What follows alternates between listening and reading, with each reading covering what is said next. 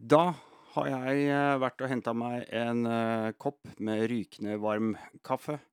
Jeg har eh, sperret opp gluggene, og jeg har spisset ørene fordi dagens gjest er ikke noe mindre enn en sprell, levende legende. Jeg gleder meg ut til å snakke med Elvin Solli.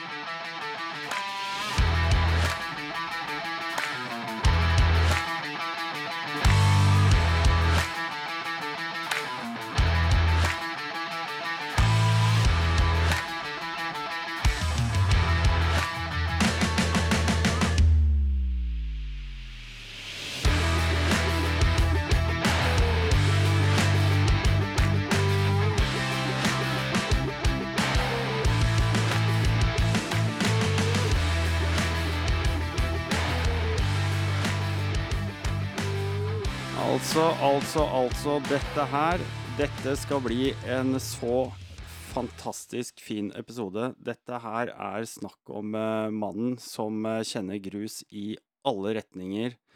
Velkommen til podkast, Elving Solli. Ja, tack för det Nils. Jeg var lite, och, lite av några ord du hade där. Jo da, men detta här, det har jag väl fortjent. Eh, det är eh, det är väldigt hyggligt att jag får lov til ha dig med i eh, podcasten. Välkommen till Rally Nord podcast. Ehm, jag har ju hört om dig, jag har ju sett namnet ditt överallt. Du är ju inne i sociala medier som som enhver 20-åring. Og eh, stadig kommenterer og liker og har gode råd og vink eh, ute på ja, OTC annet, TST osv. Eh, veldig mange kjenner deg jo fordi at du er jo ja, skal vi se, kanskje Nordens mest kjente, så vidt jeg veit. I hvert fall når det gjelder grusveier i våre trakter.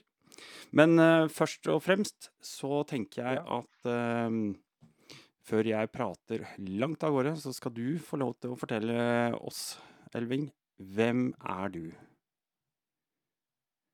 Oj. Ja, Det är ju Du kan tufft att ta den beskriva sig korte, själv. du kan ta den korte versjonen. Och jag är nog egentligen en, bra, en, en glad eh, gutt som liker folk. Ja. Li, liker att ha med, med folk att göra.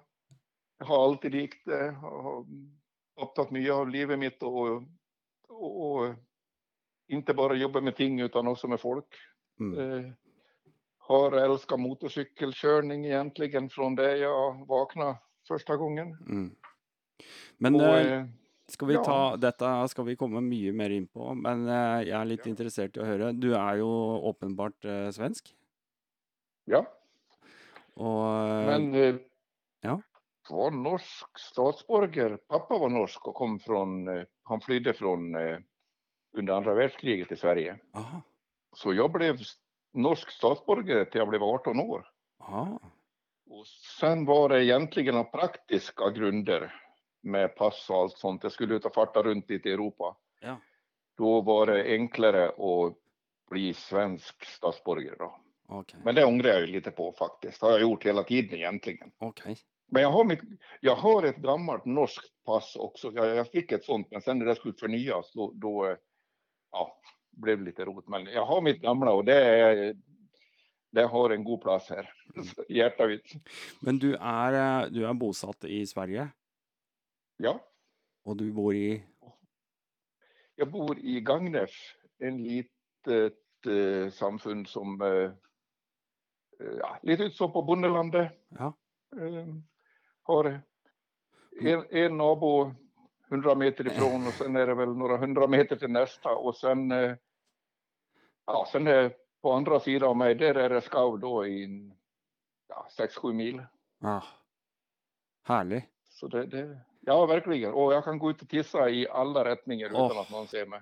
Det er, når jeg, når jeg snakker med folk, så er det akkurat det jeg eh, tar opp. Hvis jeg, hvis jeg kan velge Hvis jeg bare kunne velge helt Starte med helt blanke ark. Hvor ville jeg bodd? Jo, jeg ville Ja. bodd der hvor jeg kunne gått ut i bare ja, pip og hente avisen om morgenen. Ja. Rett og Eh, slett. Ja, Ja, Ska jag hämta avisen då kommer jag ner till en lite större väg. Och, där är det lite, så kommer, kommer det någon då så kan det vara lite sån. Jag har inte prövat den, men det var faktiskt en god idé. Ja, det kan du. Ja, ja. Så, Ja, det er herlig. Men eh, hvilken, eh, hvilken landsdel i Sverige er det vi snakker om, egentlig? ja, mitt i Sverige, eh, vi har en stor sjö som heter Siljan. Ja. Eh, områden Falun, Mora med Vasaloppet och det här, det Ja. ligger inom 5-6 mil ifrån mig. Så Ah, jag bor mitt, mitt i Dalarna. Ja, skjønner. skjønner. Jag har eh, 30 mil till Elverum kan man säga. Mm, ja. Da vet vi sånn cirka hvor vi skal plassere deg på kartet. Ja, ja. Men eh, du har eh, Vi må jo tegne et større bilde, eh, tenker eh, personen Elving. Du har noen barn. Så det betyr jo Ja. at du ikke er eh, 25, i hvert fall. Nej, jag är 73. Ja, riktig. Lite överraskad varje gång jag fyller år, men, men eh, ja. Det, det, det, dessvärre, dessvärre ser det ut att det, det, det är något notater om det på, hos myndigheten att jag är 73, så jag får väl inrymma det då. Men, eh, nej, det, det är väldigt grejt det. Ja. Eh, lite som när vi snackar ålder, jag må ju säga att bland, alltså, det blir bara bättre och bättre. Livet blir bara bättre och bättre Mm.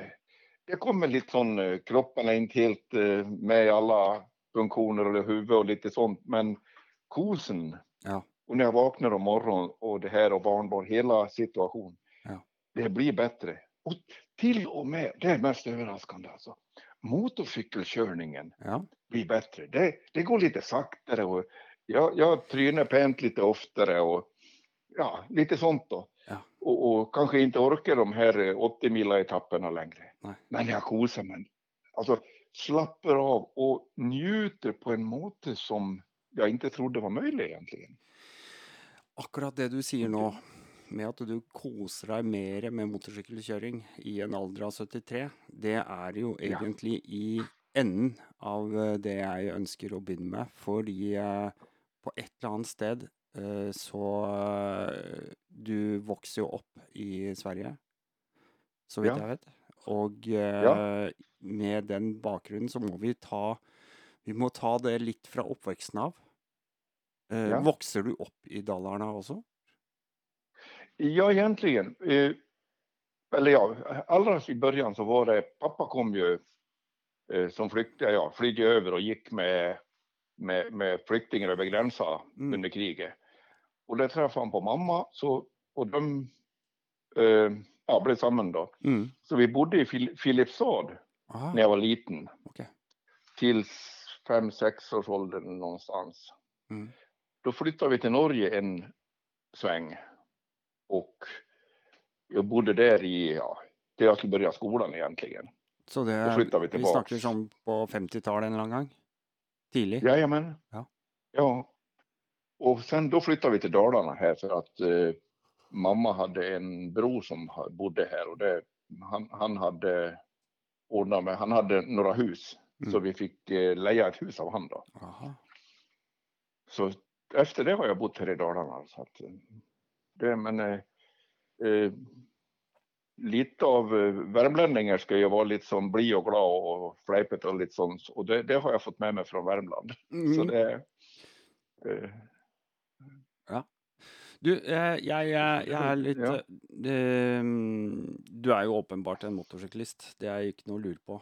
Eh, og så Ja. leser jeg litt om deg. Du, det, det er jo blitt skrevet litt om deg, både eh, et, et slags eh, intervju, eh, portrettintervju på TST sin side, altså Ja. Tur Sverige. Eh, Og så har du i tillegg vært eh, skribent i et magasin som heter eh, Alt om MC, er det ikke det? ja, Og der og- skriver du jo litt grann fra oppveksten din og snakker om det eh, med din mor. ja. Kan ikke du fortelle litt om det? Och nu får jag nästan tårar i ögonen. Oi. Ja, Da gråt Jo, vi eh, ja, det var, det var min hjälte. Ja. Och eh, hon tog mig med på motorcykel. Hon var, hon var sån här guttejänte. Ja. Och var med under krigen så körde hon sådana här lastbilar och sånt åt, åt militära och i något som heter Loppan, någon frivillig verksamhet Riktigt. och sånt. Och hon var, höll på med, sköt med gevär och allt sånt för att spela fotboll och, och hon hade motorcykel. Och någonstans, jag huskar inte hur gammal jag var, men fyra, fem år måste jag ha varit där. Då fick jag sitta på när vi åkte ner till torget och köpte grönsaker och sånt i Filipstad. Vi bodde långt upp i en backe där. Mm. Då fick jag sitta på på tanken på motorcykeln. Och ja, jag följer fortsatt eh, vinden i håret och vattnet som rann i ögonen och gled, totala glädjen att få Mm. sitta och åka, sitta på tanken. Och jag satt ju där alltså i, i, i, i eh, bara skjorta, skjorta och kortbyxor och på tanken och Mm. ja, det var all beskyttelse vi hade på den tiden. Ja. Och så körde ofta, hon visste att jag likte allt det där, så vi körde upp på ett ställe där de har, där de har som backtävling nu Mhm. i, i Filipstad. Stor, Storhöjda backen, en sån här berömd bara grusvägsbacke upp då.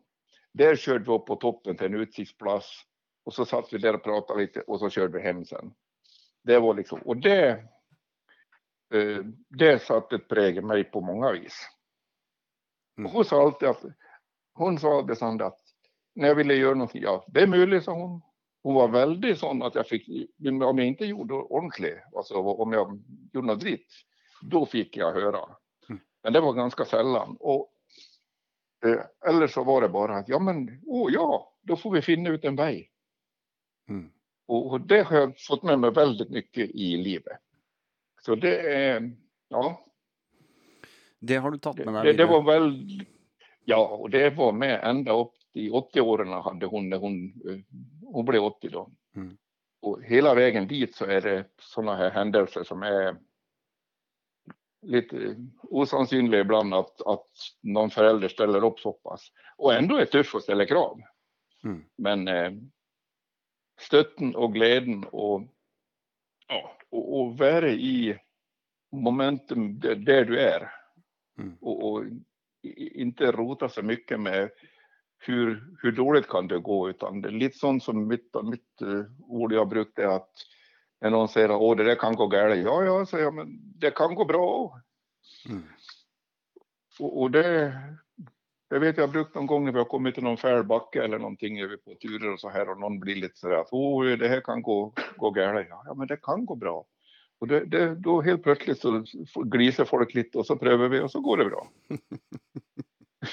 nästan, nästan jämt. Ja, så, så, så det, ja, men det är lite av en, eh, vad ska jag säga, en måte att tackla livet.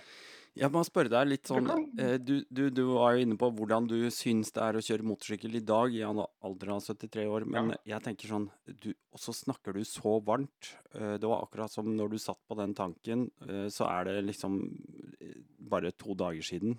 Eh, Ja, ja. Er det, er det noen ganger nå om dagen du setter deg på sykkelen og, f- og prøver, eller at du får tilbake den følelsen som du hadde da? Ja. Ja. Eh, det är oftare än man tror. Ja. Eh, Jeg tror man det kan vara- det jo, ja, men nu har jag ju barnbarn. Mm. Och det är egentligen två stycken där som är väldigt intresserade av motorcyklar. Det är Alvar som är 14 Mm. år nu och, och börjar på att rota med moped och allt sånt här. Och, och Signe som är sex år. Mm. Och de där har ju kört eh, minikrossare från ja, tre års ålder kan man säga. Mm.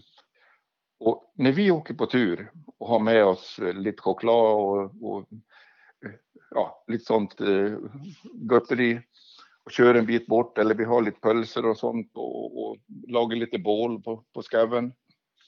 Eh, ja, det är helt, då, då är jag helt tillbaks. Mm. Då sitter jag på tanken. Då, då eh, ja. Så, så att tror- det är ingen problem att finna tillbaks det när man träffar ungt folk och ser glädjen i dem. Eh, Den, den, eh, ja, jo, inga problem att finna tillbaks till det. Absolut. Och nästan, nej, jag ska inte säga att det är bättre ändå, för det går inte, men det, det är lika bra. Jeg tror veldig mange glemmer å, å å glede seg. Ja. Eh, når, spesielt når man får litt eh, spisse albuer og horn i panna, så Det er jo selvfølgelig den spenningen og det kicket og adrenalinet rundt det, men jeg, jeg merka veldig godt her for noen år siden Jeg syns det er litt gøy du sier det på den måten, fordi eh, for noen år siden, eh, i ja, en alder av 40 eller noe sånt, så begynte jeg å løpe igjen. Altså begynte å Ja. jogge. Ja.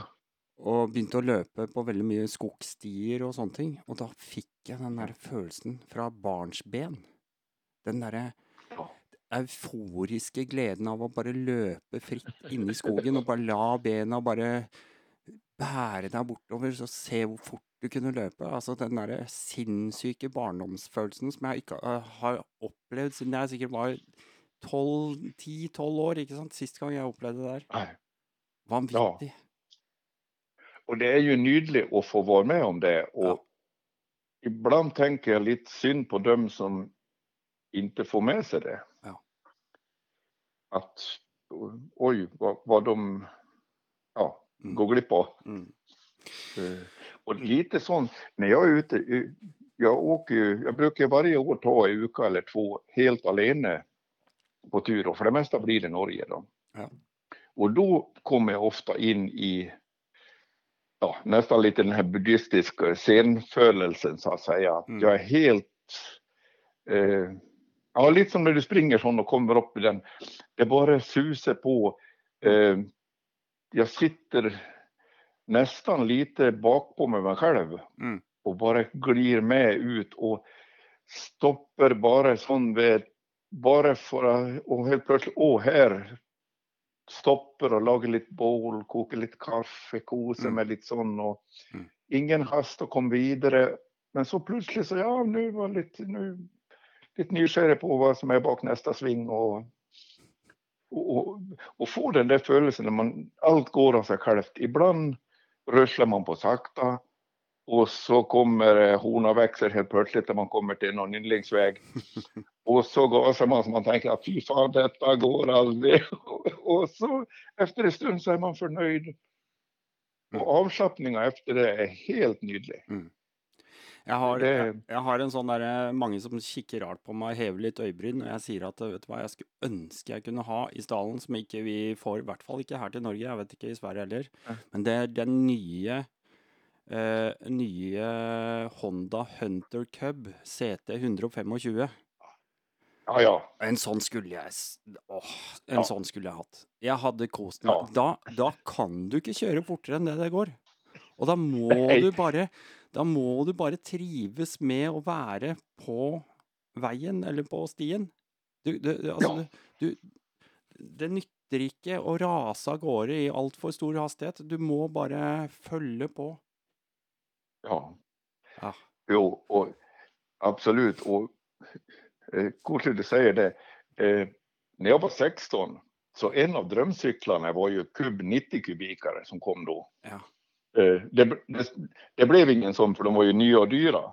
Men en sån, det var lite av drömmen jag hade. Men eh, jag älskar ju att köra lite raskare så att det blev ju ingen sån. Nej. Men eh, det huskar jag att det var ja, en sån. Och så åka världen, jorden runt hade jag drömt om på en sån. Men jeg vet Så- at eh, når du var 16, så endte du opp med noe annet. Du, Ja. eh, du var eh, nemlig Du tok jo førerkortet. Ja. Kan du fortelle litt om hvilken sykkel du endte opp med, og hvordan det gikk til? Oj, jo, jag gick. Jag skulle ju, jag hade ju egentligen inte pengar nog och vi, vi hade inga stora pengar så att eh, jag visste ju att skulle jag ta både förarkort och köpa motorcykel och sånt så var det inte pengar nog egentligen. Men jag startade på, på jag fyllde 7 juli, men redan när det var snö så var jag nere på, på eh, ja, där, där eh, utdannelsen för förarkortet så att säga på körskolan Mm. och börja. Och då han en legend där som heter Sven Lövdahl. Han sa ju, han, han fann ju lite av sig själv när han var liten i mig då, så att vi blev väldigt goda kompisar där. Och han skönte problemet och han kände mamma lite, så han ordnade, jag fick klippa gräs hela den sommaren på en stor, stort ställe de hade där och annat jobb då. Då skulle jag få deras gamla, den, den utrangerade silverpinn de hade stående. Mm. Så den fick jag ta hem och gjorde i ordning den och byggde upp den brukbar. Så när jag var 16, då, då var han färdig cykeln. Han var inte så pen, men han var, gick jävla bra. Och det var en Husqvarna silverbil, 175 kubik. 9,5 hästkrafter, fantastiskt stark maskin som gick så det durade om det tyckte jag. Så det var eh, ja, helt, helt, eh, det, det var, ja. Och det var lite sån att då, eh, vi var ju ute, alltså Sven var ju en, en, en ordentlig legend i hela området där. Mm. Han, han kände ju alla, så han sa att så jag fick ju börja och övningsköra på den andra maskinen då innan jag var 16 och det var inte tillåtet då. Så att eh, bara ett par dagar efter att jag var 16 så körde jag upp för kör, förarkortet Mm. då. Och grejde det. Ja. Då, för att jag, vi hade ju varit ute och kört i, på, i Borlänge på byn tidigare som 15-åring då han var med och körde med bil efter. Så vart han, en gång då var det vänster och två vart, två dört, då skulle jag svänga höger. Och så vidare. det var mycket morsamt och vi likade. Och han tyckte det var så spännande han också att få köra med en som det var inte lovligt, det var lite spännande för han också om, om purken skulle komma och ta oss. Så det, det, var, det, var, det var lite, han var lite så äventyrlig. Och han drömde, hans dröm som han pratade om, Swartberg Pass i Sörafrika Aha. hade han läst om. Det var ett dubbelpass med en, vad ska man säga, en lerväg över, fast den var väldigt hård när det var torrt. Och det visade han bilder på alltihop då. Och när jag, när jag körde, det uppkör, ja, det var ju lite, det dret sig lite ut också. Jag klarade ju före, körde, var på väg tillbaka till körskolan och på, efter sista krysset in mot körskolan, där drog jag upp på bakhjulet då. Och trynade naturligtvis. Så det, ja, ja, det var ju självföljd då, i glädjen. Och Sven han kom ut och såg att det gick bra och så skrattade han och sa fy fan Elving, du blir aldrig en riktig motorcyklist förrän du har kört Swartberg Pass i södra Afrika. Och det hade ju han, det hade ju förtält mig om tidigare på om hans dröm att ha åka i. Han kom aldrig dit. Men någon gång 2004 då jobbade jag åt MC-folket, alltså eh, tillsvarigheten till eh, NMCUs blad. Då, eller, Ja. det fanns det större i Sverige, det var 60 000 medlemmar, så det var ju ganska stort blad och sånt. Då Ja. jobbade jag åt dem och var på test i Sörafrika på, av Triumph hade någon, någon eh, modell som kom då. Och så var jag, lite lång historia där, men eh, jag träffade på han som hade, var HD-förhandlare i hela, ja, i, Sörafrika då, en Al Kuklar. Eh, för jag var med en kompis, en annan journalistkompis dit och så skulle jag iväg och leja med en BMW tänkte jag och åka runt och åka Swartberg Pass. Men den där Kuklar, han, han eh, det var, det var en, en frisk typ.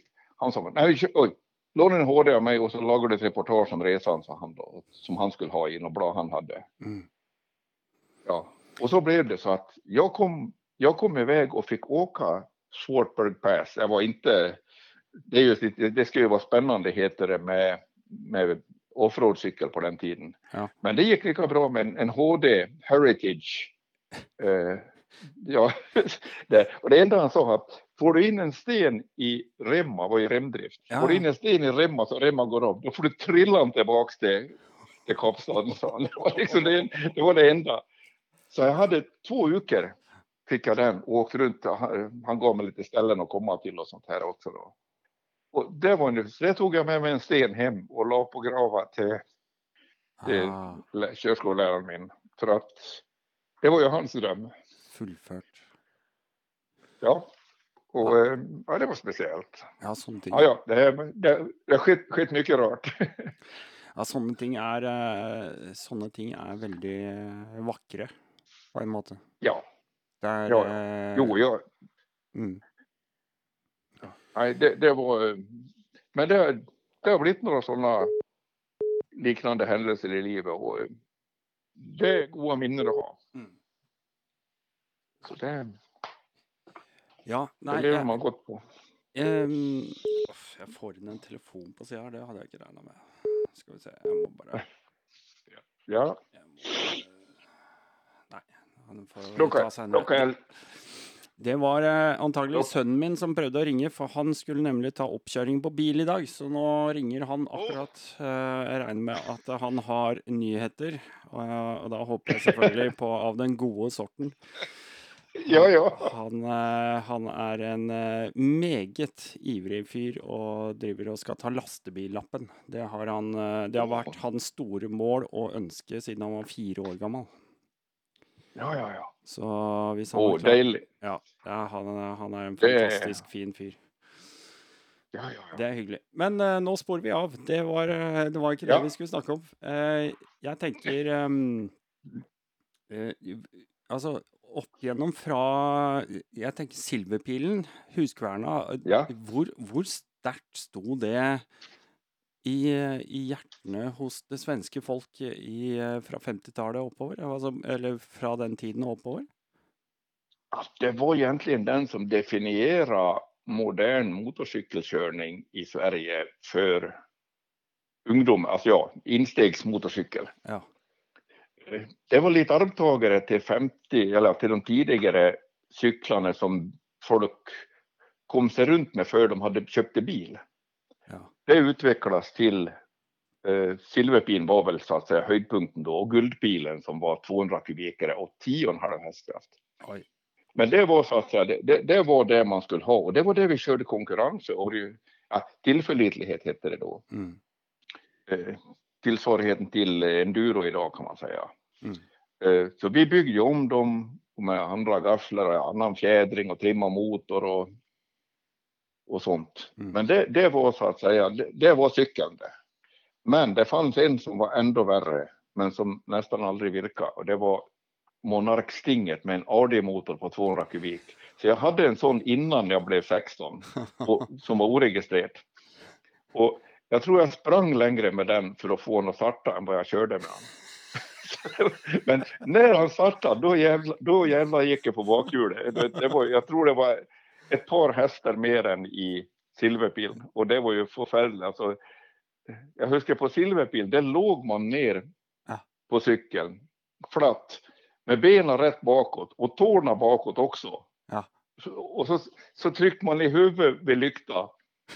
För att då gjorde han ett par kilometer till. Och så fick man vrida upp huvudet ibland och titta så att man fortsatt var på vägen. Eh, Det var spännande. Och då låg man så där, mm, ja 90 mm, någonstans. Ibland uppåt 100. eh, om- det var sol och ja, medvind och sola i ryggen och allting. Då, då kunde man komma över 100. Riktig. Men då gällde det att hålla ner huvudet länge också och då var det lite spännande om det kom. Det var ju inte så långa raka vägar på den tiden så det Ja. kunde ju bli lite spännande ibland. Men just det här att vrida ut tårna, in med armbågarna och ner med huvudet. Då hade man ju ingen hjälm utan mamma min hon, hon, dubb, hon ja, jag körde året runt då. Ja. Och hon dubbelsticka en möss i luva åt mig. I dubbel, dubbelt. Bara för att det, det skulle beskytta lite mer. Sen åkte jag någon konkurrens, jag tävlade inget väldigt aktivt men ändå körde någon, då måste du ha hjälm. Ja, Så ja. då började jag, och då skönte jag ju att ja, men det var ju tingen på, Ja. på alla måter. Va? Men eh, det var, men att beskytta i övrigt, det var ju inget snack om. Jo, stövlar hade man. Jo, så hade man, hade man, var man heldig så fick man ett par gamla skinnbyxor av någon. Mm. För det var fint när man trynade. Ja. Ja. Men det var det enda. Så det var, ja, ja, ja det var Men- andra tider. Men eh, altså, på engelsk så ble det jo ofte kalt the ton. Eh, men eh, Ja. den derre tresifra tallet på speedometeret, det var den magiske grensen, vil jeg tro. Ja, ja, ja. Ja. Det var det. Det. Men jag har, ju, jag har ju också åkt en gång med Hayabusa som var när de hade, vi var, vi var någonstans i, i Portugal eller någonstans, ja där kring, på, också på test när den kom då. Ja. När det var gränser på 300 kilometer i timmen så slog den ifrån. Eh, nej, och de här var lite, alltså det här var ju från fabri- fabriken som var, hade. Ja. Eh, då, speedometret stoppade vid tre- 299 stoppade speedometret, men turtällen gick lite till. Ja. Men det, det, det har jag gjort en gång och det hållt. Ja. Det, det, var, det var spännande och grejt att få gjort, men jag var ju lite skräcksladd också. Ja. Det var alltså inte, nej, det var inte tingen min, utan det var lite sån bucket list, ja, fär, färdig med det va. Ja. Det, men eh, nej, eh, fart i sig, kilometer i körning, alltså hastigheten säger mig ingenting egentligen. Det blir inget kort ligger över 100. Eh, däremot att finna en väg där jag kan ligga på gränsa i 70. Mm. Det är mors, mycket morsammare. Mm. Mm. Så, så det, Ja, jag skulle det med hu- hun- 100 var magiskt på den tiden. Ja, det vil jeg tro. Det vil jeg tro. Eh, vi må Ja. ta litt sånn eh, Motorsykkel og deg, det har jo gått som hånd i hanske, da. Siden 50-tallet og oppover. Og jeg tenker at eh, underveis så hvor, hvor, Hvordan Hvor bærer egentlig den MC-interessen du brenner sånn for, hvor bærer den deg? Hvor tar den deg videre, altså fra 50-tallet oppover, i forhold til reiser, adventure, eh, Ja. Disse turene, om det er enten korte eller Ja. lange turer? Ja, egentligen. Det började egentligen på moped för att eh, de, mamma och pappa hade sagt att om jag inte rökte och inte drack brännvin för jag blev 15 då skulle jag få en ny moped. Aha. Så de var och lån, lånade pengar så jag fick en Push Florida, Ah. spritter ny. Och den dagen när jag fyllde 15 då satt jag klockan sex nere hos förhandlaren där jag skulle hämta den på morgonen och de kom inte från klockan åtta. Fy fan vilken tid. Oj, oj, oj, ja du vet. Och sen drog jag, då var det 30 mil man skulle köra innan man var in på service direkt. Mm. Så morgonen efter då stod jag där färdig för service. Då hade jag dragit Siljan runt med ja, sjö här och så stod jag där på morgonen och fick han serva. Och så gick det ett par veckor och sen, jo, eh, historia egentligen som är, pappa hade ju mycket norska kompisar från kriget. Mm. Att han var ju med i militären först och jag sen lite motstånd så ja, ingen tongivande men ändå han var ju med hela det där. Och efter det så, alla mina ferier från det jag huskar har varit att åka till Norge och hälsa på hans kompisar och hälsa på släkt och vänner där också. Men hans kompis i alla utmarker långt bort i, ja, så långt man kunde komma. Mycket småbrukare och sånt var det. Så att vi var ju runt på alla jävla drittvägar och i, man kan säga Sörfor, Uppdal, Röros och ner över till, ja, nästan ner mot Oslo i höjd då. På, på våra ferier. Var det da Och var det da veien som var målet, og ikke nødvendigvis eh, dette småbruket? nej, det var att hälsa på pappas Okej. kompisar. OK. Mm. Det var från, från kriget, det var det som var, var uppgaven. Mm. Och det höll vi på ända tills jag var 14 och sen när jag blev 15 då, åh, då var det, så jag tog en mopeden då och drog omtrent samma runda som vi hade brukat åka 200 mil. Med Trollstigen, Geiranger, alla dritvägar och det var ju grus allting nästan då. Ja. Och blev borta så att eh, jag skulle bara åka och hälsa på släkten i, utanför Oslo då. Men jag tog en liten snaromväg då. så att, det, det var lite så att eh, jag blev ju borta ur, jag försvann ju från radarn. Så det var ju ingen telefon på den tiden egentligen, så inga mobiler. Så att jag blev ju borta då. Så att de, eh, det var nästan så de skulle ringa politi och spöra vad som har skett. Men jag kom ju, efter två veckor så kom jag ju till Hemnäs till bästemor och, de, och hälsade på då. Så att då var jag ju tillbaka i världen igen. Och sen var det likadant på motorcykel och hälsade på lite av de här och bodde lite hos dem ibland, det är folk som pappa har känt. Så att, och så fortsatte egentligen, har det gjort hela tiden. Nu, nu de flesta av dem är borta, eller ja, de är borta allihop. Men barn och barnbarn till dem är jag ju fortsatt att hälsa på en del av dem. Ja. I, i, och det är fortsatt en del, ja, idag har de blivit månskensbönder som vi säger, de har ju andra jobb men, men småbrukarna är ofta kvar. Mm. Mm. Så att sån gick egentligen min motorcykel, det, det har liksom följt mig hela tiden. Alltså pappas, äventyr från krigen så kan man säga. Jag har, har ju följt med att jag har ju vänner från det fortsatt. Mm. Och, och, åker i de här områdena i Norge som är de bästa grusområdena som jag syns och sånt. Så att, där har vi väl liksom en, en ett rött streck genom hela, hela livet egentligen. Att, eh, det har fört mig till mycket.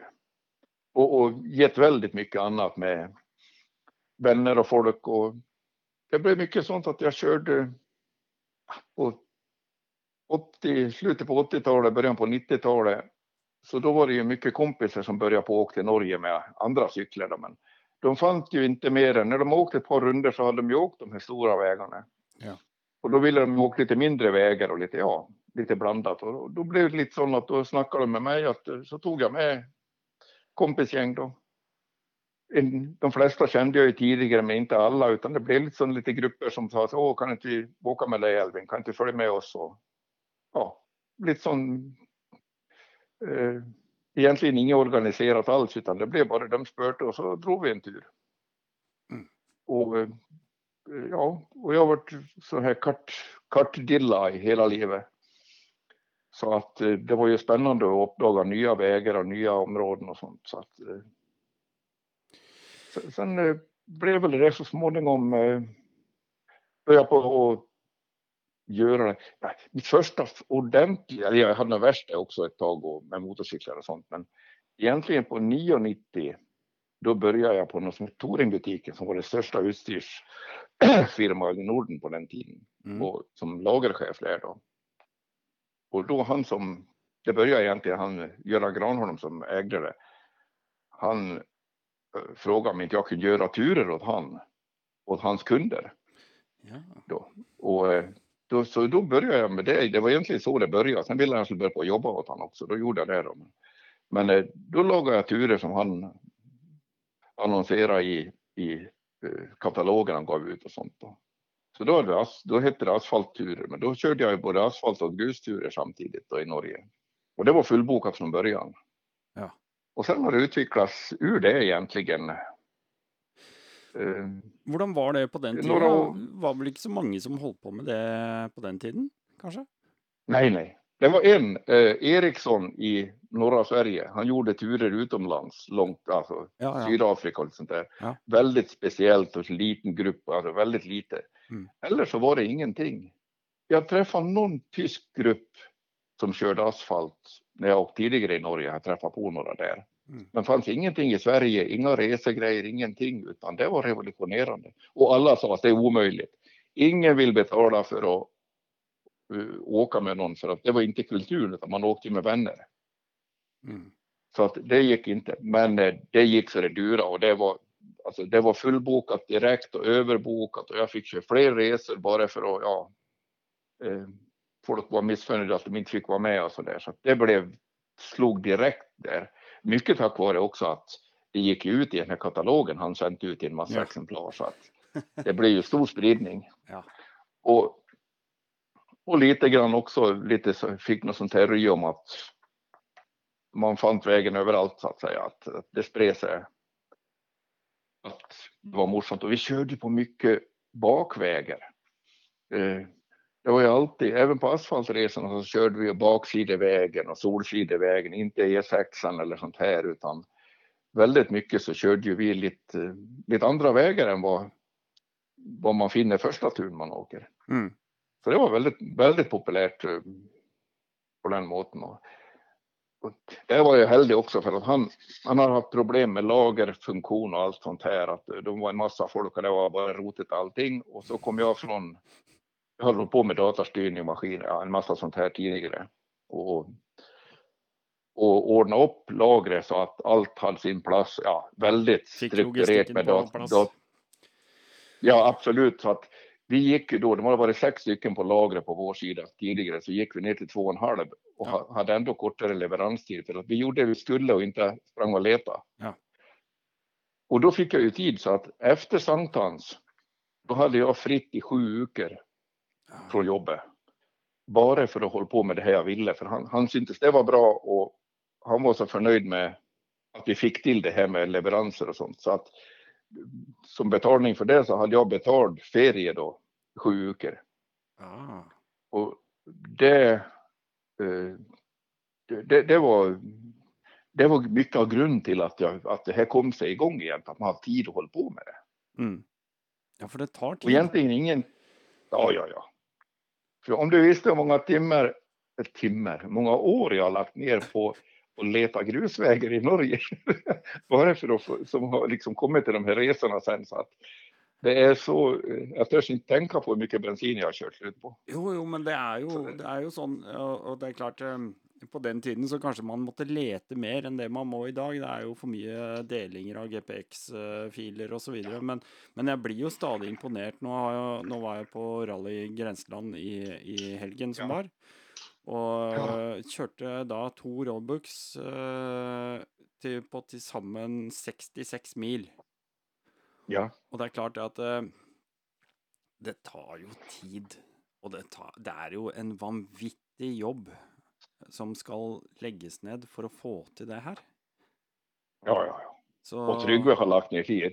Tryggve som ordnar det, han har lagt ner tid han du. Ja, ja, ja. ja det, är, det, Det- är klart jag får ju god hjälp och, och sånt också, men uh, allikevel, det är en man som håller de korten. Men, och det finns andra, andra events, uh, selvfølgelig. Det är ju många fler som, eh, som håller på.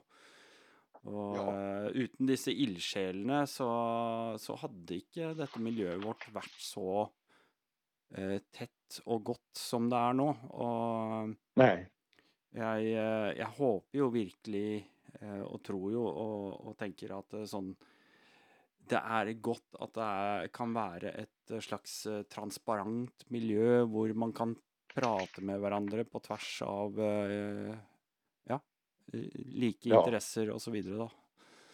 Jeg Ja. tror, tror det er det var ju stor forskel för att på 90-talet och ja, även in på fram till 2005 innan GPSen slog igenom Mm. så var det ju kart som gällde. Ja. Och du hade ju ingen pejling på var du var egentligen. Du kunde ju vara på ett ställe och tro du var på ett helt annat. Och, eh, så jag har jobbat väldigt mycket med, jag är ju kartdilla och eh, bara de här gamla, jag började att jag skulle kartlägga kan man säga från uh, Tynset ner till Finnskogen och ja, vi säger lite väst för eh, Lillehammer och in mot svenska gränsen en bit där att jag skulle kartlägga alla grusvägar. Mm. Då, och kö- kört allt som var genomgående då. Så jag började med Kappelens kart Sörnorge Nord Mm. som egentligen är ett ganska bra kart faktiskt på den här 300 000 del så det, det är väldigt mycket med där. Ja. Men det visar ju sig att eftervart så fann jag ju gamla kart, fiskekart och sådana här gamla svartvita kart med inga höjder och ingenting utan det var, Ja. ja, det var lite som omtrent tegna vägar på dem. så, Mm. omtrent här går vägen. Och vad jag har letat efter sånt. Och, eh, man visste över något fjäll så jo det, det fanns alltså det var, någon gång har det gått en brukbar väg över här och man letade och man letade och innan jag skönte att jag måste, när jag är i rätt område så måste jag gå av cykeln och gå 100 meter in i skaven och gå parallellt där det skulle gå en väg. Mm. För att i, i gröfta var det ofta busk och sånt. Och, och Ja. du såg inte att, du såg aldrig vägen där, men gick du in en bit Så i skaven och gick, då var den där ja. Och då var det bara att finna sig in och fann mycket vägar på den. Jag vet en som jag höll på att leta på, ja, öst för Ringerby på fjället där. Ja. Skulle gå en väg ner, en parallell väg som kommer ner, ja, lite söder för Ringerby då. Eh, Som var streckad som traktorväg på ett gammalt kart och var inte med på något nytt kart. Mhm. Och det var över en bäck först där. Och fan, jag var där och letade och letade som fan. Nej, i bägge ändar och hittade han inte. Så hade jag sönnen min med när han, eh, när han skulle ta ett förarkort när han var 16. Då hade jag som krav att vi skulle göra oss en 200 mils tur i Norge först så att han lärde sig köra motorcykel. Och då var vi in på det där stället och så satt vi där och så lagade vi kaffe nu i bäcken där jag visste att där någonstans är det. Och så säger, förtäller jag honom att fy fan, här var jag, oj, här har många att leta och det, det, här ska det gå någon väg upp i. Då sitter han med unga ögon och säger, ja men det är ju något streck upp i Skrondingen där, säger han då. Och då ser jag ju att det är, ja, det är ju någonting. Så då gick vi in en bit i, i ja, busk som var, var inga riktiga träd men. gick vi in över en bit där och fann ju gamla vägen och tog oss över det. Vi slet lite med det, men vi kom oss över. Och det var en av de bästa ögonblicken. Det har jag letat säkert i fem, sex år varit förbi det varenda år och prövt att hitta. Och så kommer ungjäveln och, så, och så, men där är det ju. Ja, det, det var liksom, det, ja, det var också ett sånt här ögonblick som liksom, ja. Ja, men er ikke det deilig når to hoder eh, kan slå seg sammen, og, og man eh, finner gull, på en måte? Ja, ja. Och så få göra det med barna. Ja. Det, det, ju en, det är ju faktiskt en, ja, det, en dimension till så att säga. Jeg tenker det, at eh, nå skal vi bare ta et eh, kort lite reklamebrekk, og så har jeg lyst til å høre Ja. mer om eh, folkene du møter underveis, og hvor Ja. mye de faktisk eh, har betydd for deg eh, opp igjennom. Ja. Da tar vi et raskt avbrekk i denne ordinære podkastepisoden, bare for å fortelle deg at du kan gå ned i eh, shownotes. Du kan klikke deg inn på patrons-linken der nede, og bli en patron av Rally Nord podkast, selvfølgelig. Da kan du bli en Rally 50 eller Rally 100 patron. Da får du eh, automatisk en link til eh, Rally Nord eh, patrons pod. Du får en link til eh, Discord som jeg sender deg. Du eh, skal selvfølgelig få et Rally Nord podkast-klistremerke som du kan eh, pynte opp eh, din yndlingssykkel med, og eh, ikke minst så er du automatisk invitert til eh, neste Rally Nord Patrons treff. Og eh, om ikke annet så kan alle også gjøre meg en tjeneste til. Det er nemlig gå inn og gi meg ratings der hvor du lytter på din podkast. Gi meg slike stjerner. Og eh, har du litt grann ekstra tid å avse, så gi meg gjerne også en eh, omtale. Det hadde vært veldig, veldig hyggelig. Alt dette altså til prisen av eh, to eller fire liter bensin i måneden. Tenk litt på det. Ja, vi må ha litt grann reklame i denne ordinære podkasten, altså, Elving. Ja, ja, ja, det är bra det. Du, jeg, eh, jeg er jo veldig, eh, veldig nysgjerrig på å høre hva mm, Alle disse menneskene du møter underveis. eh, Og det har jo vært eh, tusenvis, eh, helt garantert. Hva Ja. betyr disse menneskene, og, og, og, og hva slags betydning, ikke minst, tror du at eh, du har på dem? Oj. Vi kan begynne med det første spørsmålet Ja, først, det- da. Hva, Ja, hva betyr det- det menneskene for deg? lättare. Egentligen är det grund till alltihop. Mm. Eh, Jag liker att köra alene på en måte. Mm. Och, och det är en ting. Men att köra med folk som man får ge glädje och ta dem ut på äventyr som man kanske inte trodde existerade ibland. Och se hur de finner vänner. Lite som på när man gör såna här resor så det blir ju en del som är enkelt som är med där är ju lite speciella att de har egentligen ingen att köra med. Och, och ibland kan det vara en grund till det att de kan vara lite speciella och så här. Och, och när man då får dem med och får dem att virka i ett gäng och få bygga kompisfällskap i gängen och de finner vänner de kör med ändelig eh, och fortsätter att köra med årevis eller som på flera av resorna vi haft att eh, de har gifta sig efter att, att, att Jente och Gutt har Mm. funnit varandra under resan. Eh, och det blir lite speciellt för att när man är ute så, och vi har ju jobbat väldigt mycket, alltså det jag lägger ner mest tid på när vi är ute är egentligen att få gängen att bli en god gäng. Att vi blir kompisar eh, på ett djupare plan ofta. Och det är väl det som har varit stor forskel ibland mot en del andra som jag har upplevt det som gör det lite mer tekniskt bara. Och kanske inte är så upptatt av detta och få födelsen och gängen och det goa, kosen, fällskapet och allt det här. Eh, För utan det så hade nog inte jag drivit med det här. Bara att köra med folk som jag inte är intresserad av, det är inte tingen för mig. Det, det, jag har varit med någon gång och ja, den typen av resor så att säga. Och jag har följt direkt att eh, jo, ibland så har jag någon som vill ha haft hjälp och komma igång och lite så här, man har varit med. Och de som egentligen har gjort det mer för pengar och sån än för att träffa folk, ja. då har jag sagt nej tack. Eh, dessvärre passar inte riktigt mig. Va? Så det här att träffa folk och träffa dem igen och se och, och ge dem kanske en ny, de ser en ny värld i motorcykelkörningen också. Att, att eh, kosen och, och ge sig ut på platser där det sällan är annat folk och sånt här. Mm. Det är så mycket värt och väldigt många vänner genom åren som har blivit ordentliga, alltså väldigt goda vänner ja. genom det här. Men det som är, är nog mest är faktiskt det är folk i Norge framför ja, överallt som jag har träffat när jag var ute alene och kört mm. Och, och, och letat väg. Det är såna, mycket sådana här morsamma eh, episoder. Att, eh, en som är ordentlig, alltså som, som, nu, nu har han dött, men, men eh, som var en god vän under många år. Eh, jag letade en väg i, i, ja, i Östernorrland kan vi säga. Då. Att det skulle gå, det var en liten jävla dritgrusväg, men det skulle gå en väg någonstans över där. Och det satt en gubbe på moped på, på en stubbe i vägkanten. Jag tyckte han var jävligt gammal, för jag var väl uppåt 50 då själv. Ja. Så att, eh, ja, och han satt där och drack kaffe då.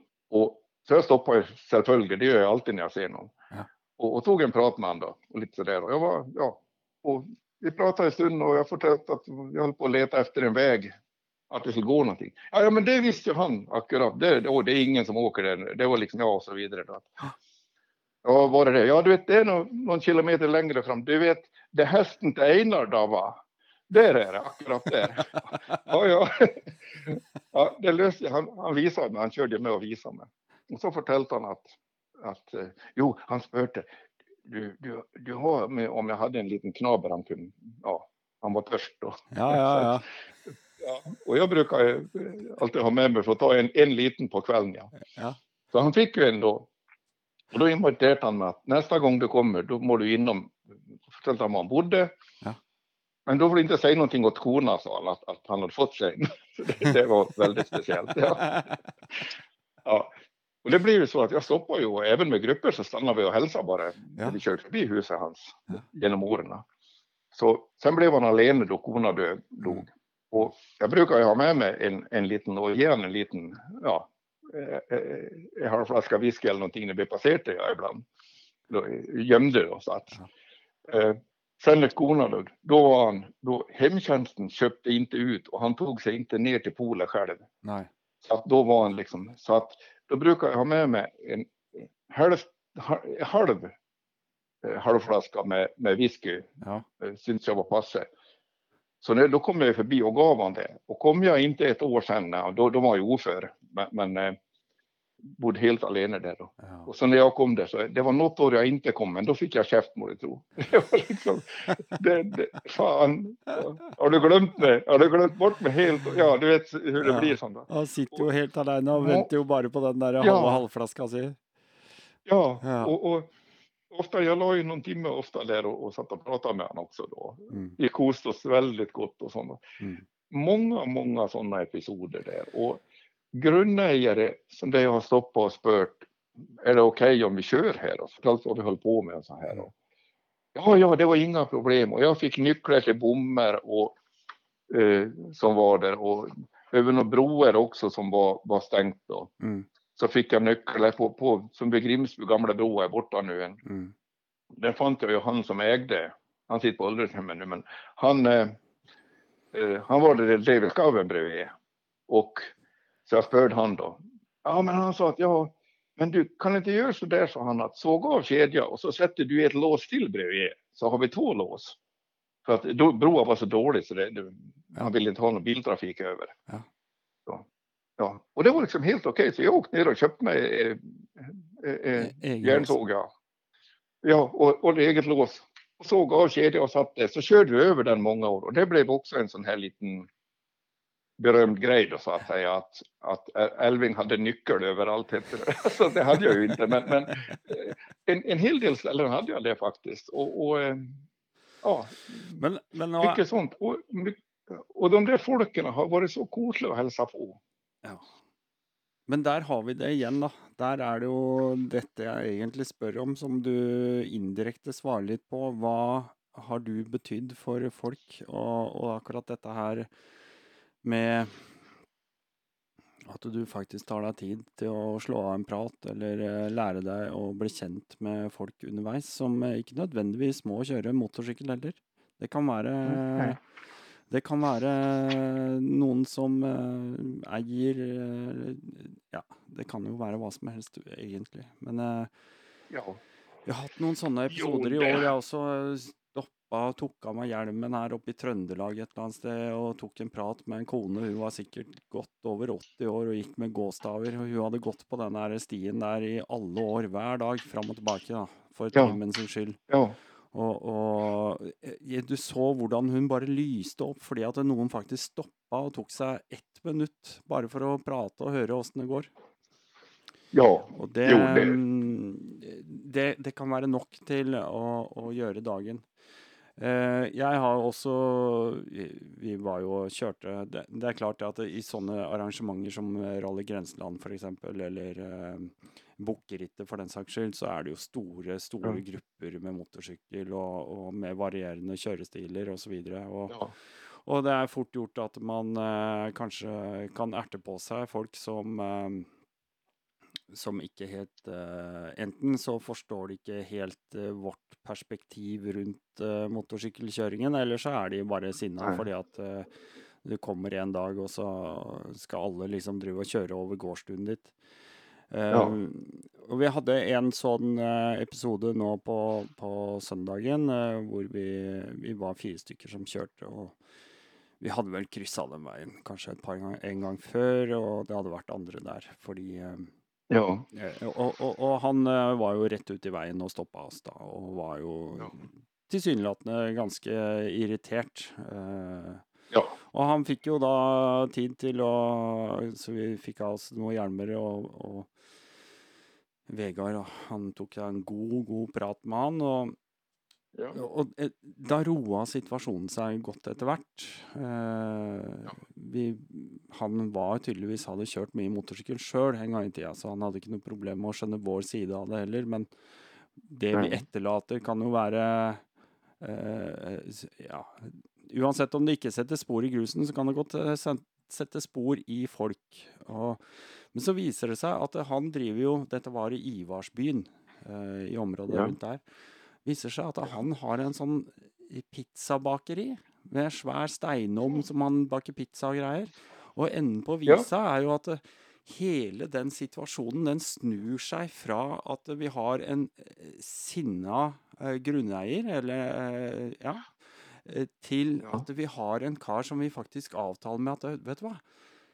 La oss løse det her på en eller annen måte, med ikke sant? Ja. betale en eller annen slags uh, avgift eller et eller annet. Og så ja. kan du lage pizzaer. Hvis du setter opp en meny, og vi snakka om menyen på pizzaer og greier, og fant ut at uh, de forskjellige pizzaene kunne hete sånn som motorsykkelnavn, uh, da. Sånn som Honda, ja. KTM, eh, en Yamaha-pizza, en Ducati-pizza, altså så videre forskjellig. Ja, ja, ja. Og tenk deg den morsomme situasjonen. Plutselig så har du en kar som ikke bare får litt penger fordi at man kjører over tomta hans, Nei.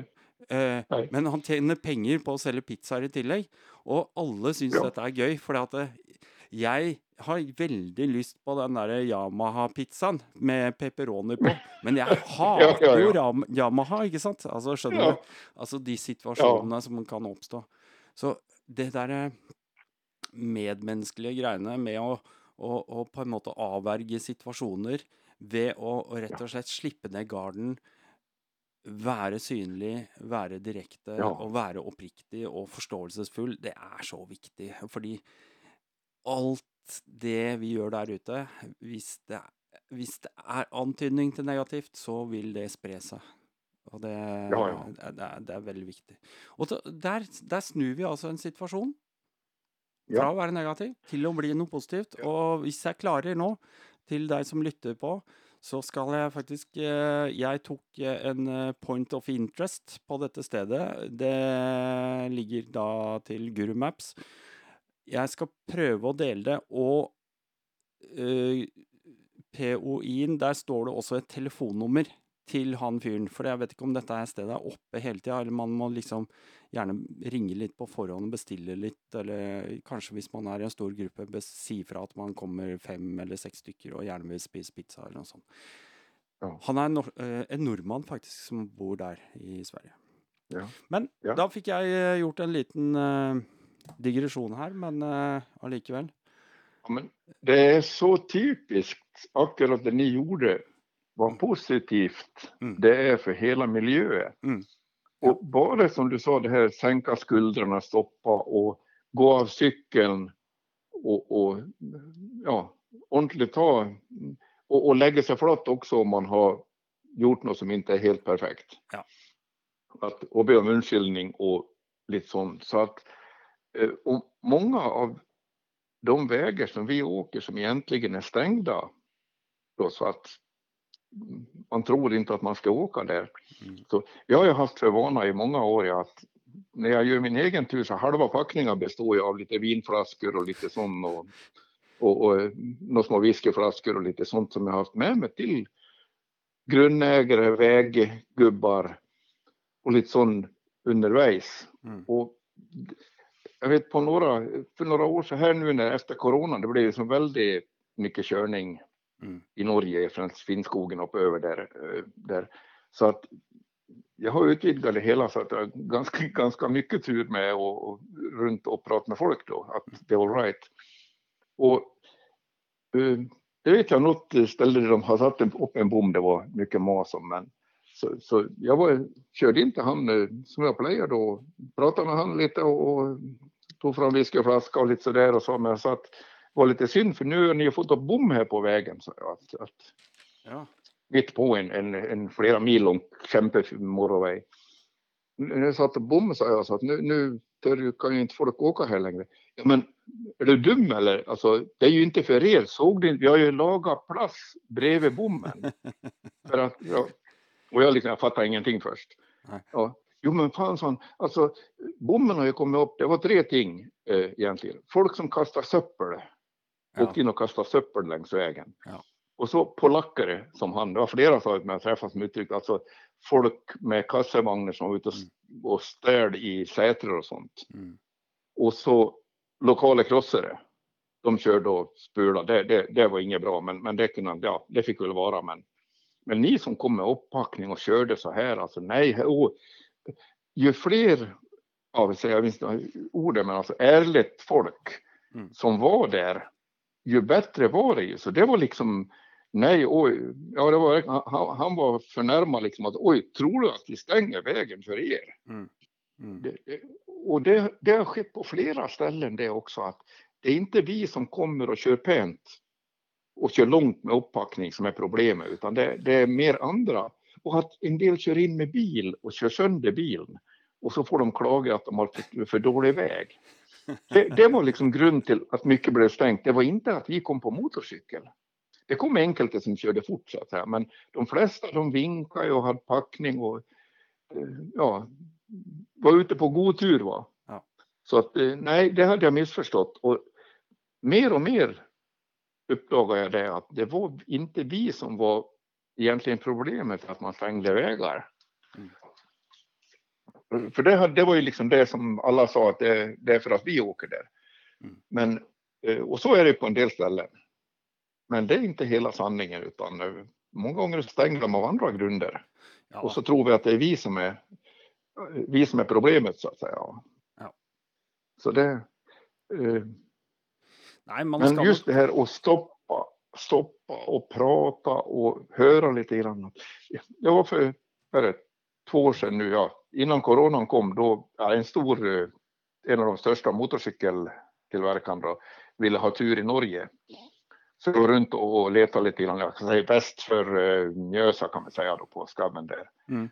Och eh, fann en liten, liten väg eh, eh, sån här, vad heter det, rollercoaster, berg och dalbaneväg. Ja, riktigt. Ner, ja, ner i, i ett litet dalföre, eller sån här canyon nästan. Och så var det en liten bro längst ner så skulle vägen gå upp över på andra sidan där. Och så var det lite småbruk på andra sidan. Så jag stoppade med cykeln vid, broar där, liten bro bara för en liten traktor. Och så gick jag över, jag såg det var några folk i gården på andra sidan. Jag gick över och fortällde vad jag var ute på lite och ja, först såg de lite så där så säga, försiktigt ut då. Men vi pratade lite grann och korna till gubben kom och jag berömde dem över vägen och undrade, tänk om vi skulle kunna få åka här. Ja, kör på en efter det var stora digra cyklar och, och turkörning och sånt där. Ja, ja, ja, det var inga problem. Så det slutade med att korna åt. Åh, och så fick jag telefonnumret. Åh, när ni kommer, då ska jag laga kaffe och, och kakor. Och hela, och det är aldrig någon som är ner hit. Alltså det, det, låg ju lite, ja, lite isolerat så att säga. Och på andra sidan från huset upp till, ja, åt andra hållet gick ju lite bättre väg då. Men, ja. men de var ju helt isolerade. Och hon var helt dilla på det här att ja, och det, och det, det må vi ordna och det var liksom, åh, vilket vad heldig vi var att du kom. Ja. Eh, ja. Eh, sen kom corona så nu har det inte blivit något. Vi får se hur det blir till nästa år då. Men det är en sån där, alltså att få ta med folk och det här är lite för internationella gäster också då. Mm. Och få ta med dem mitt på skaven nerför ner i en ravin på körbar, körbar men spännande väg mm. och stoppa och få gå över brua in till lite småbruk där har kokat kaffe. Och, jo, det var så också. Jo, och de kan få dram också om de vill, sa ja, ja, det, ja, det var det är ju på skaven då. Ja, ja. Eh, så att, alltså, bara den situationen, alltså, så många gånger det har hänt liknande grejer, men det där satt sig riktigt i att jag var väldigt spänd på att det här går nog fan mig inte att få till. Ja, alltså, lite så det ska vi köra igenom utan att spörra var en tanke jag hade. Men nej, det håller aldrig. Nej. Och så blir det så det jävla bra. Va? Alltså mm. helt jävla, alltså det är sånt som man aldrig tror sker egentligen. Men det är så vanligt. Mm. Massvis med ställen där vi har fått till sånt. Där, där eh, de säger, oh, ja, ring, ring, ring före så sätter vi på kaffe. Mm. Och och gör det på någon säter högt upp på ett fjäll, en blindväg någonstans. Har vi något ställe, en gammal dame, hon har mobiltelefon, det, det, det, är en säter, det bor några andra men hon, hon är enda som är där hela sommaren. Okay. Och hon, där har jag kört med mycket holländare och då är vi upp dit och hon, då ska jag ringa före, då bakar och kokar kaffe och gör alltihopa på det gamla kröket i kärring, hon är ja, två äpplen hög och, och, och ja, tunn men och, och så pratar hon norska med dem. mamma, mamma, hela tiden. Och så, och så på slutet så kommer de med, med glasflaska, då, sån här damarsansen och spör om det är någon som vill ha en liten, en, en lilling ja. för, ja, det vi ska vidare. och ja, det är så morsamt, så jag har ju försökt betala henne i början. Ja. Då. Och då, då, då, fick jag ju käft, så då gömde jag alltid lite pengar under kaffefatet. Då fick jag ändå min käft gången efter. Men den förtöll, sen förtällde jag henne att de här, vi är ute i åtta dagar med de här. Ja. Och det här är det mest fantastiska de är med om att komma upp till dig och hälsa på. Ja. Och jag talar om att de här betalar 40 000 för åtta dagar plus leja av motorcykeln 20 000. Mm. Så att de här driter pengar, ja, ah, då kan du lägga en liten slant. Ja, ja, ja. då, var, då, var, då var det all right. Är det sånt folk, då var det all right. Va? Så att eh, mycket så, och det är bara på ren slump att jag några gånger var upp dit alene och, och stoppa och så har tanten kommit ut och pratat lite grann och så kokade kaffe åt mig och så, ja, och så utvecklade det sig till lite som det här med pizzan. Mm. Och det sker så ofta sånt. Så att eh, folk som inte skönner det här med att stoppa och ta en prat och allt det här, de går glipp av väldigt mycket. Alltså det, av det finaste med att åka på tur egentligen. Ja. Så, så det, alltså jag, jag gläder mig gott när du förtalte om det här med pizzan där. Att det, det är så vanligt, osannsynligt vanligt att det blir någon sån lösning av ting. Va? Eller att de säger, ja du vet jag har ju svejsapparat om ni har något problem. Ja, ja, ja bra, noterat. Ja, och så vidare. Va? Ja. Och, och det vet jag när folk, ja, cyklar har gått sönder så då, då, då letar man på en bonde för de har ju en svets. Nei, altså jeg er veldig Jeg tror jeg har eh, alt det du snakker om eh, så varmt om, det har jeg en sånn god følelse av. For det, det gir meg en sånn Ja, det er, det er godt å høre at er eh, sånn som deg eh, ser og setter pris på disse tingene. Jeg, jeg også liker eh, å reise mye aleine. Eh, altså Ja. i den grad jeg har tid i det hele tatt til å kjøre motorsykkel. Men Ja. Eh, jeg liker det derre å være For det, det er to forskjellige ting. En ting er å være alene, og en annen ting er å være ensom. Ja, Det ja, ja. er, det er veldig mange som for, blander det der med å være alene med det å være ensom, men det er man jo ikke nødvendigvis. For underveis Nei, på nei. en ukes eller to ukers tur, så, så møter man menneskene underveis. Disse som, eh, som er med å bygge din egen karakter, og som, som kanskje får deg til å tenke på noe nytt, eller eh, ja, lære noe Ja. om eh, deg selv og livet generelt. Det er en reise. Ja, verkligen. Och, ehm, jag har ju haft, när jag jobbar på SMC där och med resor, då, då var jag ledare för reseverksamheten i några år där Mm. och utvecklade den då. Så att, och då körde vi över hela världen med, med ja, lokala guide- guider och sånt. Då. Men, men jag var reseledare på väldigt mycket av dem i ja, Nepal, Vietnam, Marocko, ja, ja massvis med länder. Och det jag huskar av det, det var ju pent på många ställen och spännande vägar och sånt där. Men det är ju folket, de vi träffar längs undervägs. Mm. Det är ju det som har varit absolut. Och där har jag varit väldigt nöjd när vi har arrangerat sånt. Att vi ska ha lokalkänt folk. Så vi har ju många gånger eh, brukt lokala mc-klubbar Mm. till att arrangera åt oss. In, inte operatörer utan lokalt folk så, som är motorcykelentusiaster. Eh, Som i Vietnam, där hade vi en ung gutt på, han kanske var 18 år, som körde med oss runt där i, borta i tio dagar någonting, i nordvästra Vietnam. Och, vi, och det var ju hans eh, hemområde så att säga, där uppe i, uppe i bergen. Mm. Och vi kom in till ställen, alltså en, en, en dam som satt och gjorde hembränt, lagade hembränt över bål Mm. utan, ute. Och, och alltså bara att få, och, och det blev ju igen halva dagen. Ja. Men, men liksom allt runt omkring också då, hon lagade mat och så, det blev liksom, ja, sådana grejer att vi fick liksom komma in på folk på ett sätt som du aldrig får. Många reseverksamheter är ju sådana att man brukar bedriftsfolk som Ja. tar dig till eh, turistfällorna egentligen. Ja. Och- det är det du ser. Men jag har varit väldigt upptagen att vi ska ha lokalt folk som, som är lokala och som känner lokala speciella ställen. Det behöver inte vara den bästa utsikten i området, men det ska vara det kosligaste stället att ha en utsikt på. Mm. Och det har varit, det vet jag i Nepal har vi en Anup som, som har haft, eh, har brukt som, som reseledare ofta.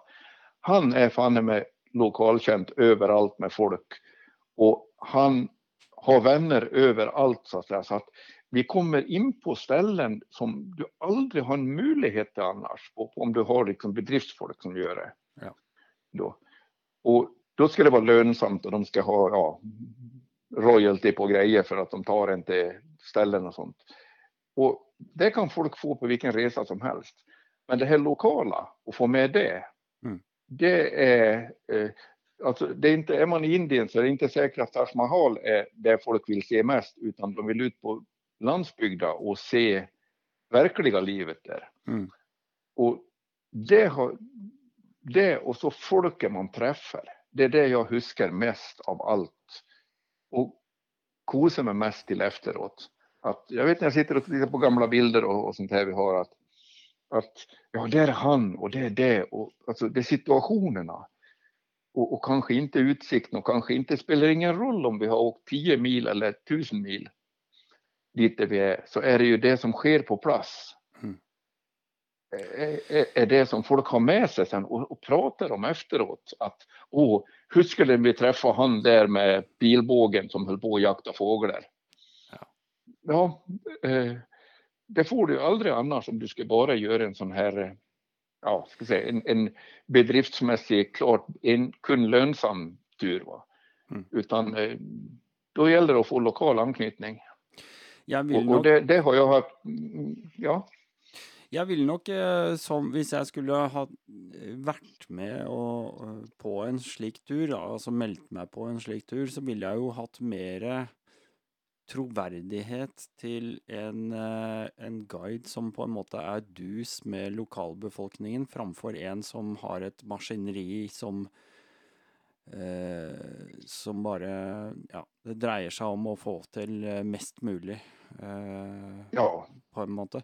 Altså, det er klart, jeg, jeg tror vel noen av disse store gigantene har vel utvikla seg fra et eller annet sted, men etter hvert som man bygger ut en slik virksomhet, så, så, så mistenker jeg jo også at uh, flere og flere av de uh, menneskene som jobber i det systemet, uh, er der nok mer for hypen enn for selve opplevelsen. Hvis du skjønner ja. hva jeg mener. Ja, absolutt. Så ja. Jeg ville nok uh, hatt mer tiltro til uh, noen uh, litt mindre aktører som gjør jobben sjøl, på en måte, og som, som kjenner disse ja, som brinner, mm. Ja, og som brinner for å ta med seg folk og vise pene steder og alt det. Og ja. bedriftsdelen i det hele må jo virke. Mm. Men det får inte vara huvudsyftet med det man lagar. Mm. För då, då, då, då, blir det lite, då kan du lika gärna ta och dra till Syden med fly. Mm. Jeg var jo så heldig at jeg fikk, eh, fikk, lov til å eh, Jeg blei invitert. Jeg var ute på svensketeten og, og plutselig blei invitert av uh, Anders og Rebekka til uh, Dalex. S uh, Adventure ja. Service. De lurte på om jeg var i nærheten, så om jeg var det, så kunne jeg bare stikke innom og ta en kaffe oppe på Fågelsjøen. Ja.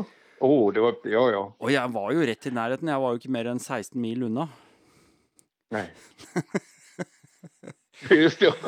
så vet du hva, eh, og det angrer jeg jo ikke et sekund på. Det, altså, maken til eh, hyggelige og eh, gjestmilde mennesker, det, det skal man lete lenge etter. Og der tror jeg eller tror ikke. Dette er noe jeg virkelig innerst føler at uh, de kommer til å få til noe väldigt, veldig, veldig, veldig ålreit i årene som framover. ja. De er jo godt i gang, det er ikke det jeg mener, men, men jeg vet at de bygger sten for sten, og jeg vet at de har de har en sånn veldig filosofi på Uh, altså hvor, hvor, de følger hjertet i forhold til hvordan de skal gjøre dette her. Det, og at de, de, stadig former dette her nå framover. Ja. Så det, det, gleder jeg meg til å se hvordan de utvikler seg det neste år. Altså. Kjempehyggelige ja. mennesker. Ja, ja. Jag åkte en eh, roadbooktur med dem. Ja. Och jag, egentligen, jag kände dem inte före utan jag såg så som de verkar på Facebook. Mm. Den bilden jag fick i huvudet av dem gjorde att jag måste åka dit och se vad det är för, för fyror. Ja, ja. och det är de mest imponerande jag har träffat, tror jag, på hela tiden i upplägget. De har, de har sin idé och vi satt en, en ja, hel kväll och halv natt, jag och Anders här, mm och snacka om ja, det här vi snackar om nu egentligen. Mm. Och hur viktigt det är att behålla sin idé om och vara sant sin idé om vad de ska göra för någonting. Mm. Och, och utveckla det för att de har akkurat det vi har snackat om nu, det här med folk och, och deltagare och upplevelser och allt det där. Och att vi gör det och som en bisak, vi gör det på motorcykel. Mm. Men det är hela grejen att träffas, allt det kring är de upptatt av. Och så, är det att, och så gör vi det på motorcykel, för det älskar vi ju allihop mm. som, som i miljö.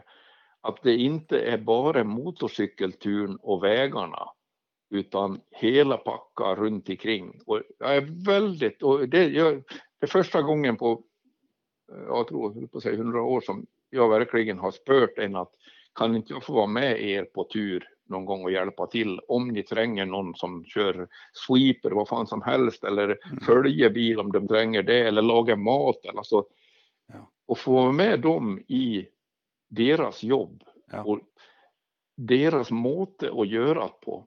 Det har inte jag sett på alla de här åren, någon som har varit så upptatt av samma grund till att jag håller på som jag gör. Mm. Det, det, är faktiskt, jag var grymt imponerad, fantastiska människor och ska ta det sakta, växa sakta mm.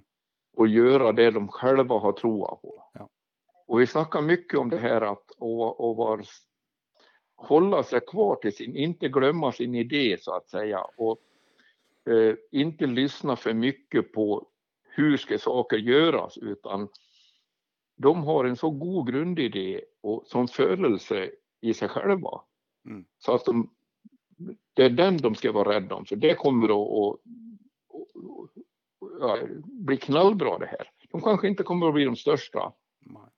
Men eh, jag måste säga att ska jag ut på tur med någon, oavsett vad det är, så folk som de, jag är djupt imponerad. Väldigt goda människor. Och, och eh, det är för deras upplevelse också och inte, inte för pengarna utan det är för, för eh, eh, ja, ja, alltså de vill, de vill eh, att folk ska få ta del av så mycket fint som de har sett. Va? Och jag tror, Helt, jag, jag, jag tror också de sitter på något genuint som inte så väldigt många andra har och det är uh, denna intressen för uh, naturen generellt uh, som, som ja. ligger dem väldigt nära. De är ju och har ju varit alltså, vi, vi, har ju alla aktiviteter, men jag vet ju de har ju varit aktiva fiskare, alltså sportsfisking. Ja. De, de, är ja. ute och går uh, fotturer i skog och mark. De, de känner lokala uh, områden uh, in och ut, och, och de är ja. motorcyklister. Alltså det är, de är så mycket och det, det, det ägarskapet de kommer att ta runt detta här, det, det lovar väldigt gott. Alltså. Jag är helt säker på det. Så, och just det här att, och, och, att de älskar att dela med sig till mm, folk ja.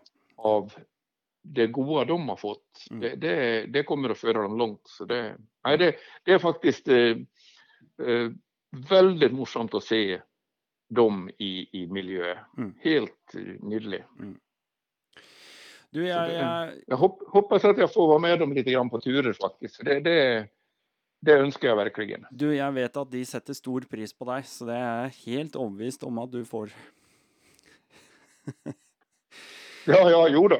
det hoppas jag. Du, jag tänker alltså, vi, jag vill runda av lite ett spår som vi var inne på. Vi har ju snackat mycket om upplevelser underveis, men har du liksom, ja. är det, är det liksom ett eller två sådana upplevelser som du liksom är som toppar som toppar helt? Ja, oj. Jo, en som egentligen inte är direkt motorcykelrelaterad. I Kathmandu i, i, i, i jag vet, ja, Nepal mm. träffade jag på en guru. Eh, vi var där och så skulle jag, jag skulle vara kvar för vi skulle ha resa till, det kom ett gäng till då. Så jag var där några dagar alene och eh, träff på en Ja, det, det, det bilder jag har som ja. på Facebook. Ja. Då. Och eh, han var det och nej, jag tyckte synd om honom lite. Han var ja, sådär. Så jag, jag pratade lite med honom och han kunde väldigt god engelska. Eh, och så spenderade jag, frågade om jag inte kunde spendera en middag på honom då. För jag skulle gå och spisa själv då. Så vi gick och satte oss och det visade sig att han är professor och något sånt här på något universitet där. Men det är liksom halvtid av hans och halvtid, nej, han är ordentlig guru då. Mm. då. Så han, han, är en sån där osannsynlig typ där.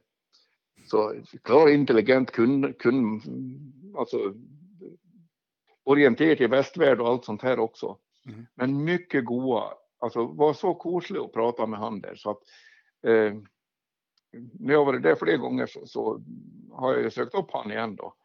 Och han, jo, det börjar med att han, eh, han erbjöd mig att jag skulle få lycka. Om, om jag betalar, ja, vad det nu var då, så skulle jag få lycka i hela resten av livet då. Ja. Att i, i, en, i oändlighet. Ja. Jag sa, ja men du det sa jag på sådär, men det har jag redan köpt av en annan här, så jag. Du, sa han då, du kan få det i två evigheter av mig. Det är oslagbart, sa han. Och det må jag ju säga att två evigheter, det, det, är ju faktiskt, det är ju mer än en. Det är dubbelt så bra. ja, så att så började det egentligen. Och det blev lite morsamt, ja, allt det där. Vi satt och pratade där och sånt så att eh, han har haft mycket idéer om livet och sånt när vi har suttit och pratat någon kväll och sånt här. Att, eh, vad livet går ut på och ja, eh, varför han är guru och professor. Mm.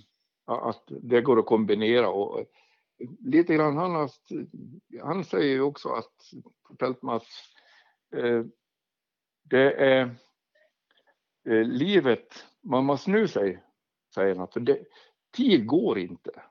Det är ingenting som försvinner bakåt utan tid kommer framifrån. Mm. Mm. Det kommer ny tid. Oavsett vad du gör så kommer det ny tid och det kommer oavsett hur du vill eller inte. Så snu dig och se framåt. För det kommer och det spörs bara vad du ska bruka till. Ny tid kommer. Du behöver inte fundera på det utan det är liksom en, en verklighet. Och det fastnar jag faktiskt ganska mycket för och det är verkligen sant att oavsett vad som har skett och sånt så det kommer ny tid. Mm. Spelar ingen roll om du spjärnar emot, det kommer ny tid, nya möjligheter. Livet, eh, ja, eh, se inte baköver. Och det, det, var faktiskt en av de här personliga upplevelser som har varit störst för min del faktiskt. Ja. Eh, och funkar perfekt i hela motorcykelmiljön men jag var ju där på motorcykel och sådär men det, det var ju inte det som var var tingen egentligen. Nej, men det är de människorna man möter underveis. Och, och, och motorcykeln ja. är ju på en måte Jag har ju har diskuterat lite sådana intressen eh, och, och hobbyer och så vidare med, ja, med kona för exempel som har en egen hobby. Eh, och, ja. och som jag säger att eh, vet du vad, min hobby är så mycket bättre än din. Och, da, og det, det, er jo, det er jo ikke pene ord, men det er, eh, re, men det er rene ord for penga. Fordi ja. at eh, ja. hvis man tenker litt over det, så motorsykkel og den hobbyen, hvis man kan kalle det en hobby, så er det så mye mer. Ja. Fordi at det er en livsstil.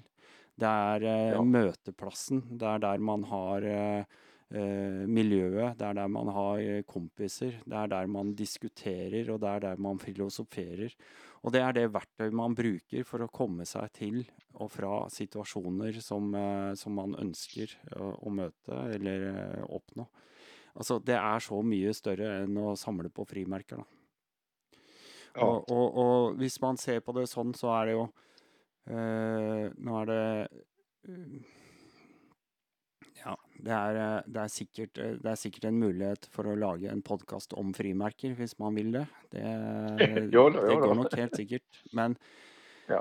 jeg tror ikke det fanger uh, de dype følelsene på samme måte som å f.eks. ha en podkast om motorsykler og, og det, det, som jeg driver med her. Så ja.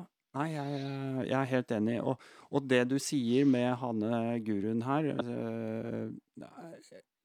jeg har ikke tenkt på det akkurat sånn, men jeg har jo faktisk tenkt på det på en helt annen måte. Bare det er situasjoner i livet som man virkelig hater. Altså det er situasjoner som er vanskelige eller kjedelige. Det kan være Kanskje man har vært på en jobb, og så oi, oi, oi, nei og nei, og all olja ligger og flyter utover garasjegulvet, ikke sant, og det er bare drit, og, og nå mista jeg den nede i karet her, og det er liksom alt går gærent samtidig. Men så vet ja. man det at det, tid kommer, og det kommer en tid hvor det her ikke lenger er et problem. Ja.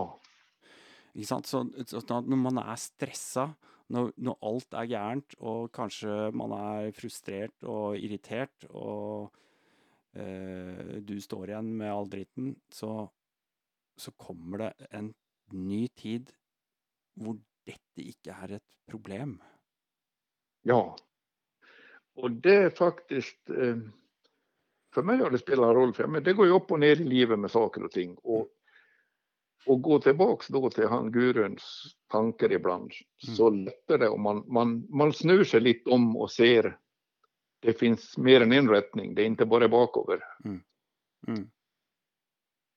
Det är lika, eh, en annan som har spelat väldigt stor roll, eh, Varjolle, alltså det är en svensk legendar som Basse VM i kubik, om vi säger så, ja. om vi tar norsk historia.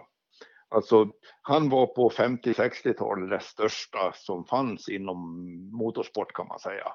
Verkligen alltså helt så här en glad fyr och körde speedway mycket, han körde allting men, men mest känd för speedway. Han dog här nu när han var 90 nyss, men jag träffade han ganska långt tillbaks och han hade ju alltid det här att han, han en glad skit och inga begränsningar. Nej. Utan han såg alltid möjligheterna. Och, eh, jag vet det han brukar säga att, eh, var liksom att när någon säger till det att det går inte och så vidare, eller varför ska du göra det eller sånt där, då ska man vara drita i det och snusa och göra det. Mm. Eh, det, det, var så att säga att eh, eh, eh ja, hela tiden fick man det. Jo, han sa så att det löser sig, sa han igen. Det ordnar sig. Mm. Det, det var, och så ryckte han på axlarna lite grann. Och jag vet han...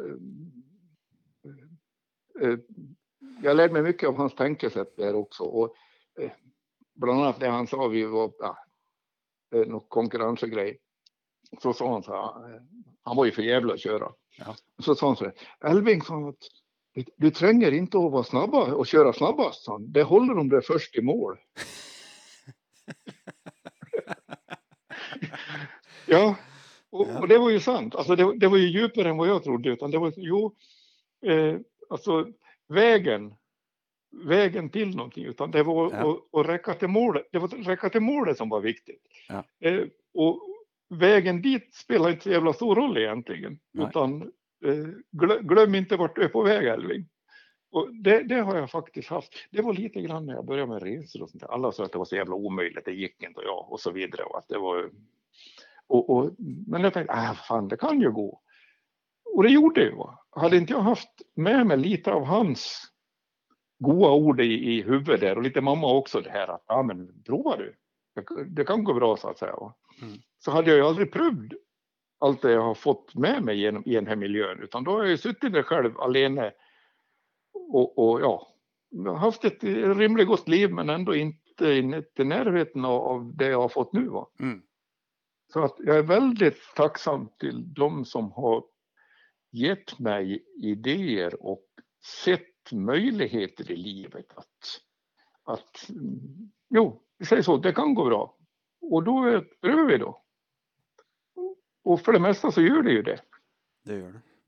Och, och, och det är jag väldigt tacksam till alla de, all det, och det är lika i miljö i Norge också inom OTC när vi började med buckeritt och sånt här också att, att eh, det var, höll ju på att bli lite, gå lite över ända första buckerittet för Stig Pettersson som hade hytta där uppe och som var lite välkänt där, hade ja. gjort någon roadbook och sånt och så kraschade han med en älg tre veckor före buckerittet. Och ingen av de andra hade ju varit i området mer än att kört med han någon tur. Och jag var ju heldig för att jag hade ju varit på den campingen vi bodde. Där hade jag bott med folk redan i bra många gånger och kört grus. Mm. Så jag var ju väldigt välkänt där då. Så det blev ju lite att jag fick ju med mig halva träffen på, på, på tur under, under det där. Yeah. Och eh, det var ju också en sån här tillfällighet bara som gjorde att jo men då blev man ju lite känd där. Eh, i området att man fann väg så att säga då. Mm. Eh, Där, det är ju också vi, vi møttes jo Altså, dette her er jo ikke helt tilfeldig. Det er ganske tilfeldig, men det er klart eh, Navnet ditt har jo stått på blokka mye lenge. Men, men jeg møtte deg altså første gang nå eh, Vi hadde en femminutters samtale, maks. Eh, vi, ja. vi, møttes på Bukkerittet eh, på Grimsby. Eh, og eh, da, i den lille, korte tiden vi prata, så avtalte vi jo dette her. Men da viste du meg faktisk at du hadde fått et lite hedersmerke. Ja. Så du har jo vært med eh, på den reisen. I, har- var du med fra begynnelsen? Ja, Ja. gjorde ett Eh, uppehåll på fem år när jag körde tillsvarigheten till eh, Birkebeinerittet som föråkare på motorcykel. Då. Ja, Och okej. Trocykelritt. Men ellers har jag varit med hela tiden. Ja. Og så, eh, Det er jo én ting, og så har du jo eh, selvfølgelig også vært, eh, ettersom jeg har skjønt, i hvert fall en eh, primus motor eh, i forhold til TET, Ja, Trans-European Trail. ja. Eh, Du har, du, du har samarbeida litt med Tore Silseth, eh, regner jeg med, på den norske teten. og, eh, Stemmer det, eller? Ja, ja jag var så att eh, den här engelska, det var ju där det började. Mm. Eh, en, och han eh, ville ha någon i Norge och de hade ingen och alla sa att det var omöjligt att göra någonting för det var det gick inte att binda ihop några vägar i Norge på grus då. Eh, och då någon i miljön fortalte honom mig då. Så han kontaktade mig och frågade om inte jag kunde göra någonting. Så jag sa ja. Först var jag lite tveksam då, men Mm. ja, i vart fall så, så han masade och så sa ja men då gör jag en tur. i- Men då gör jag upp till Röros kan man säga för att det är upp dit man kan få något sammanhang egentligen. Mm. Så då lagade jag en ruta på, tror jag 140 mil eller någonting där. Ja. Genom ja, Österdalarna kan man säga. Eller, ja, där. Och höll på med det i två och ett halvt år, men sen tyckte jag att det varit lite mycket, så då, då pratade jag med Tore och han eh, tog över det hela och mm, är nu linesman för det nu. Men då var det ju egentligen skulle bli en långtursresa för internationella, inte för lokala åkare. Ja. Utan det skulle ju bli en tur för ja, italienare eller ja, de som åker i Nordkap kan man säga skulle få åka grus genom Europa. ja. Eh, sen har det utvecklat sig till att när coronan kom så exploderade ju norska grusmarknaden, Mm. äventyrsmarknaden. Så Finnskogen har ju blivit lite för mycket kört så att säga på, på, Ja. på samma sträckningar. Ja. Eh, Men eh, det var massvis med utländska, massvis, men många utländska som har lagat filmer och sånt över tätt här och fått massvis med sig. Men idag är det väl lite så att det är så många. Det har ju växt explosionsartat på slutet. Så enkelt område där eh, är för mycket körning. Och mycket, om vi säger så här som de uttrycker det där, att det, det ligger för nära Oslo. ja. Så att det är så många som är där och kör över dagstur så att det blir överbelastat. Vi säger Rottneblick Ja. Är, är ju klassikern där också. Att det vet jag, vi var där i slutet på 90-talet första gången. Eh, och, och när det var ganska nytt då, han, Ivan som, nej, Iver som, som eh, ja, äger marken där. Ja. Han var väl inte så förnöjd i början, men sen när det blev lite populärt så då skönte han ju att det här var ju, det var ju kosligt att ha det. Så han, han har ingenting emot att man åker där. Han som är grundägare där. Nej.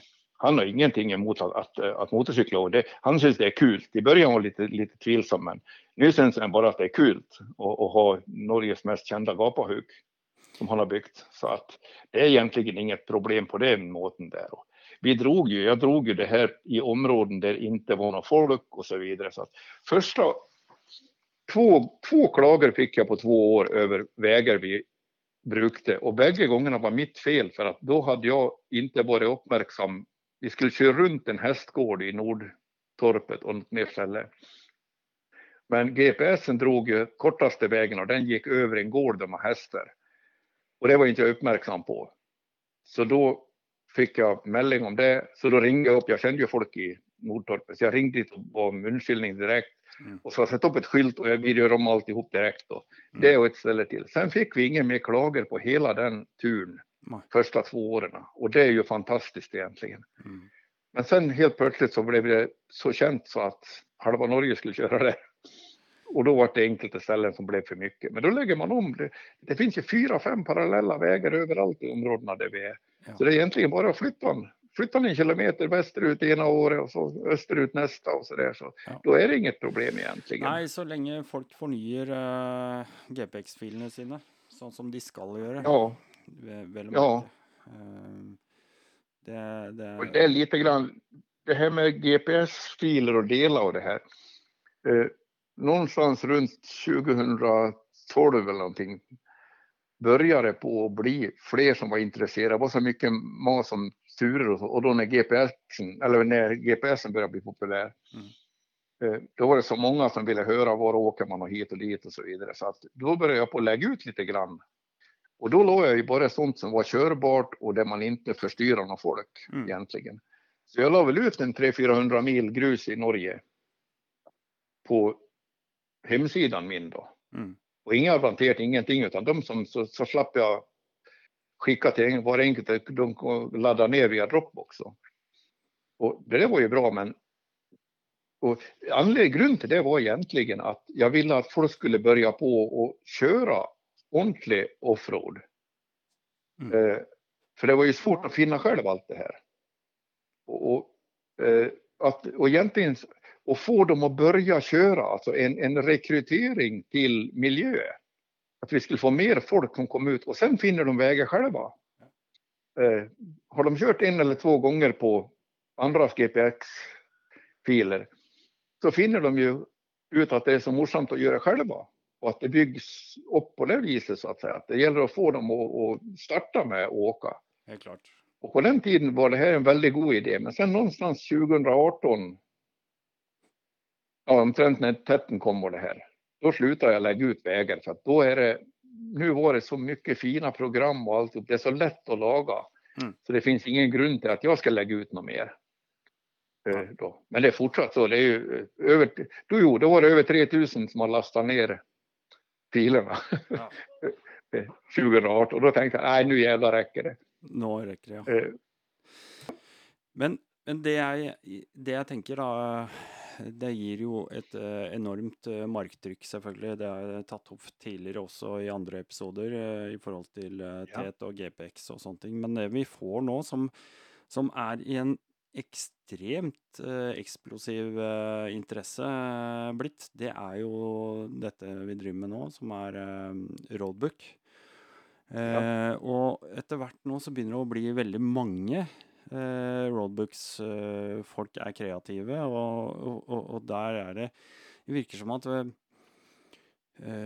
det vi mangla litt før, kanskje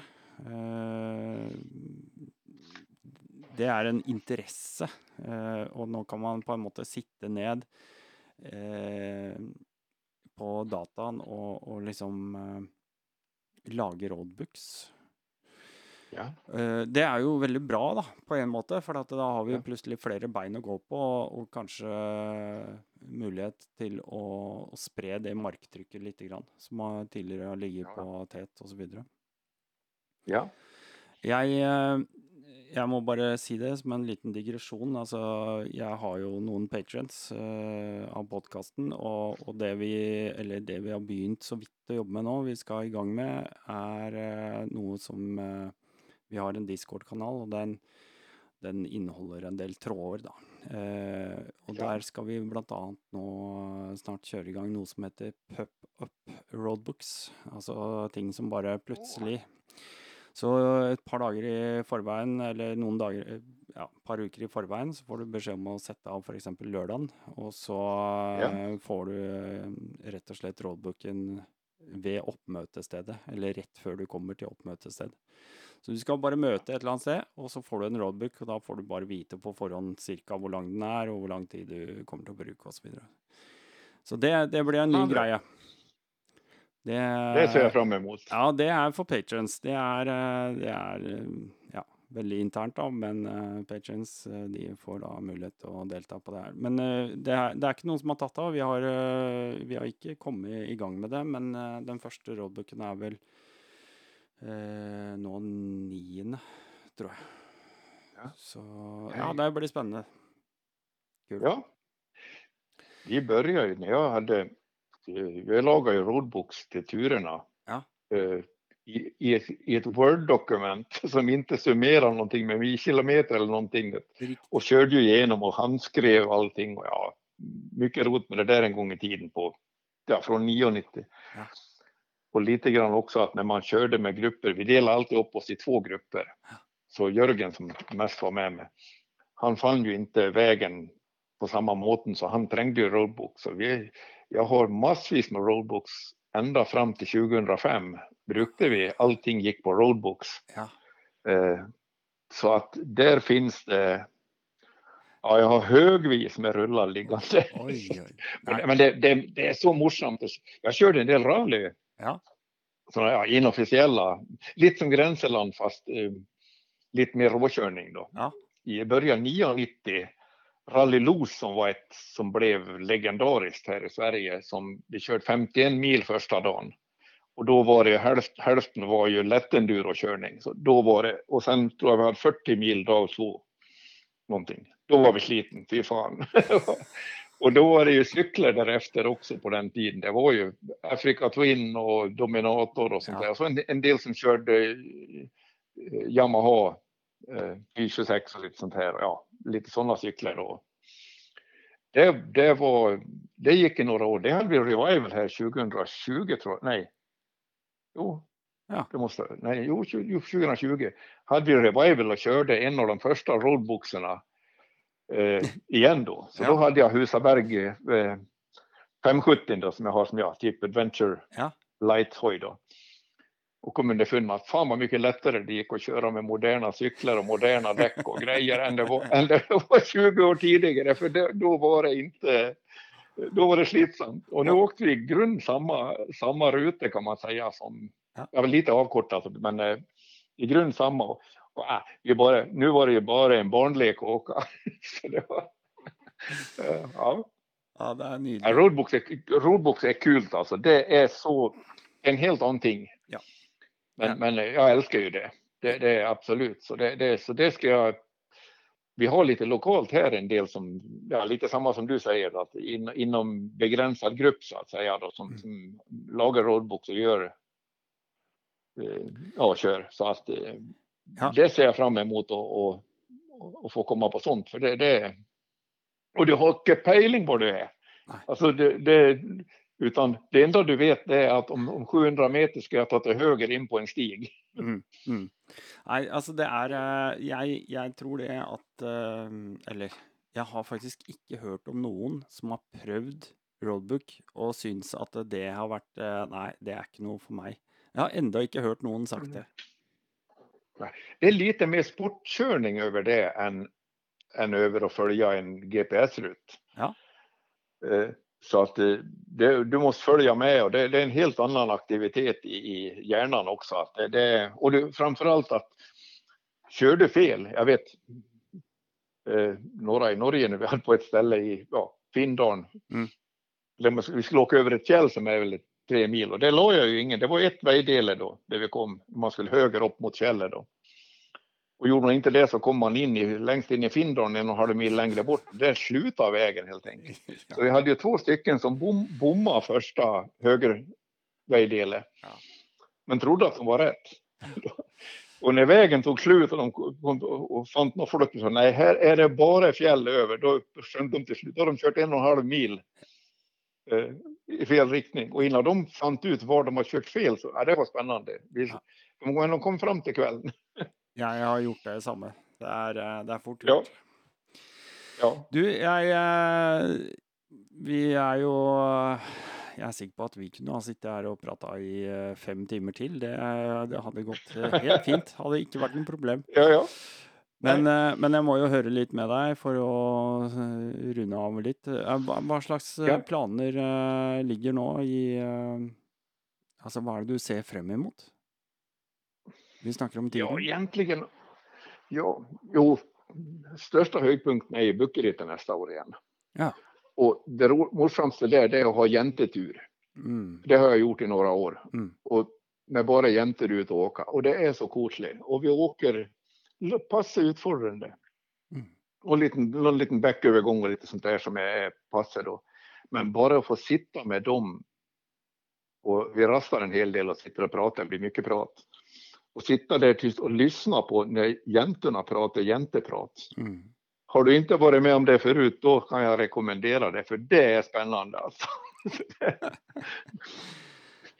Men eller så, ja, eller så vi ska åka med holländare, eller en holländsk operatör då, med internationella gäster i september brukar vi åka när all turist är borta. Ja. Eh, det blir någon sån här åtta dagars tur i Norge igen då som är... Eh, ja, som är och, i höst? Eh, nej, det blir nästa höst. Oh, ja, nästa höst. Okay. Ja, nästa höst, ja. Så i år är det väl inte så mycket, det blir några lokala grejer här kring, men inget stort så att säga. Mm. Eventuellt kan bli, blir det pentvär så kan det bli en tur till Norge igen och kosa sig. Mm. Jo, nästa år, jag har tänkt två veckor där jag ska åka alene. Mm. Och bara åka på de små vägar och det här som vi körde på, på i 90-åren. Som egentligen är igenväxt mycket av dem nu och inte, det är ingen som åker där egentligen. Och de små vägarna och gör det alene och träffa folk och allt sånt här. Det är inte så mycket folk som bor längs dem, men det, är, det, det kan man stoppa. Mm. Det ser jag fram emot faktiskt. Och, och från Sören går det en dritt, oj jag skulle säga traktor, drittraktorväg upp mot Hålöjdal. Och den har jag inte kört på 15 år och den ska, nu var det någon som hade kört den här från mina roadbooks, eller från det. Mm. Och sa att jo, de har tagit sig fram, men de kör lätta cyklar. Ja. Så dit, dit, dit ska jag pröva mig fram. Och lite sånt på fisketur. Ja.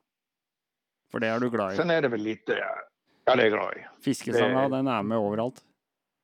Ja, ja.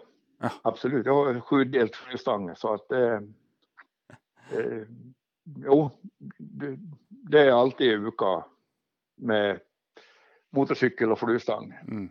Eh, och, och Vissa dagar så blir det bara motorcykel och andra dagar blir det bara fisking och ja, kos. Mm. Så det är väl de. Sen är det väl lite annat, några sådana här eh, kanske motorcykelproducenter och sånt som vill ha lite turer laga. Som jag ska jobba lite med också, som både i Sverige och Norge. Mm. Eh, lite oklart. Det har blivit lite, allt har blivit förändrat efter coronan här och Ukraina nu och lite sånt här också. Att eh, det är väldigt mycket som är osäkert av det som var planlagt. Men eh, det blir nog sådana turer i Norge med, med ja, generalagenter eller nej, fabriker då, så att säga, som vill ha tur mm. för sina kunder så att säga. Då. Så några har så att när de har köpt en ny motorcykel av en viss äventyrsmodell så får de, kan de få med en sån här tur på priset. Ja. Eller att de har ja, möjlighet att, att, anmäla sig. Och då är det exklusivt för inviterade kan man säga som, som har köpt cykel eller lite förhandlare och sånt här som är med. Då, så att, Såklart. Eh, några sådana grejer är på gång men det är lite osäkert. Det hänger lite i luften vad det blir av allting just nu. Ja. Så att eh, det, Nei, men det, det, ligger sikkert mye spennende framover, og, og tilbudene de, de, dukker jo opp eh, etter hvert. Jeg ehm, Ja. Jag. Jag ser mest fram emot annars, annars är jag faktiskt att ut med barnbarnen och köra på skaven hemma här. Ja. och de koseturerna och upp, upp till en liten kolarkoja i skogen vi har uppe i här. En liten, liten sten stenhus, pyttelitet. Vi kommer tre stycken kan sitta inne där om man är gott känt och sitta där och göra lite bål och sånt och ja. ja. Det, det, de turerna, det, det, är nog det som jag ser allra mest fram emot faktiskt. Det, det som är så fint är ju att, eh, att du tydligvis, du sätter ju väldigt stor pris på det här, men det som också är så fint, det är att de barnen, de kommer att huska detta här för alltid. Ja, detta är minnen för jo, livet. Och, och ja. det är så viktigt att ta vara på akkurat i uh, situationerna där. Ja, du, det är som Signe brukar säga, du är gal du bäste far, men, men jag liker det ja. så det är, när, vi, när vi är ute på sånt, sånt rot som man egentligen inte gör med, med sexåringar. och vi klättrar, klättrar i träd ibland när vi är ute. Ja, mycket sånt här rart som, som eh, ja. ja. Ta, ta möjlighet, alltså, tar det som passar för ögonblicket bara och bara kosar oss. Ja, det här. Så, så, lika Alvar då som är 14 när vi är ute på tur och sitter och pratar. Vi kan sitta timmevis ute på skaven och, och, bara prata om sånt som han som barnen inte alltid pratar med föräldrarna om, men det går bra att prata med bästefar om. Ja. Det, det, och då har vi ju så att säga, vi har ett ärende, vi är ute och åker motorcykel, men det är kanske inte det viktigaste, utan det är praten och kosen som, som vi delar som är, är viktigast för oss, för bägge parter. Mm. Det är livet det. Du Elving, jeg må jo si ja. at uh, dette her har jo vært uh, så vanvittig hyggelig å få lov til å bli bedre kjent med deg og høre på dine fantastiske uh, vyer av livet og det hva motorsykkel egentlig bør dreie seg om. I hvert fall for meg. jeg må bare takke for at du har satt av tid til å være med på Rall Nord podkast. Tack för det. Och en, en hilsen skulle jag haft till Espen Mörk. Ja, Espen Mörk ja. Han ja, ja. han er, også en god figur. Han er en herlig kar. Ja, Han elsker jo å sitte med kart og finne veier og kjøre nye steder som eh, Ja, han fortalte meg det, at han, eh, han, var så kry fordi han hadde vært på en eller annen vei som ikke du har vært på.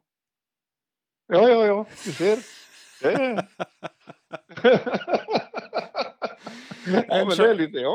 Et riktig shout-out til Espen Mørk der, altså, fra Elving eh, Solli. Tusen hjertelig takk. Hälsa, hälsa Espen du att om man finner en till väg som inte jag har varit, då, då ska han få en öl. Du, eh, vær så snill å holde linja litt til, eh, Elving. Vi ja. takker for at du har vært med, men nå kjører vi en liten musikk. Og så skal vi inte ikke bare det, men eh, vi har fått med en ny greie. Ehm, det er klart at eh, Geir Jukulstad fra OTC, han har jeg tillatt Eller jeg har ikke tillatt han, jeg har bedt han ta med et lite ord i laget. Men det kommer etter denne musikken her, som vi kjenner så godt.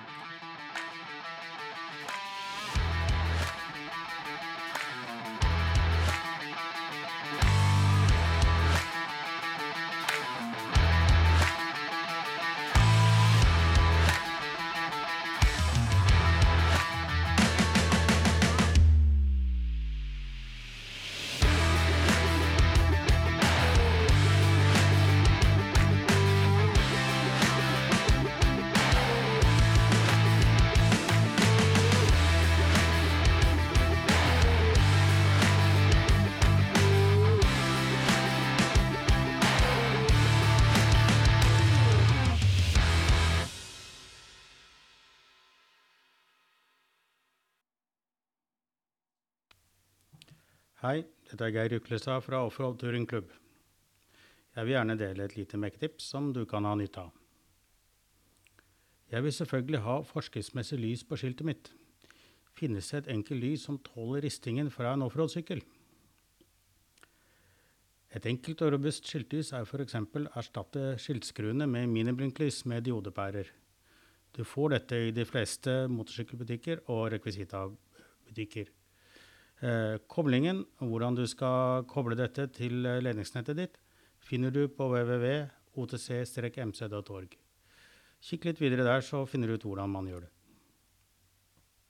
Kikk litt videre der, så finner du ut hvordan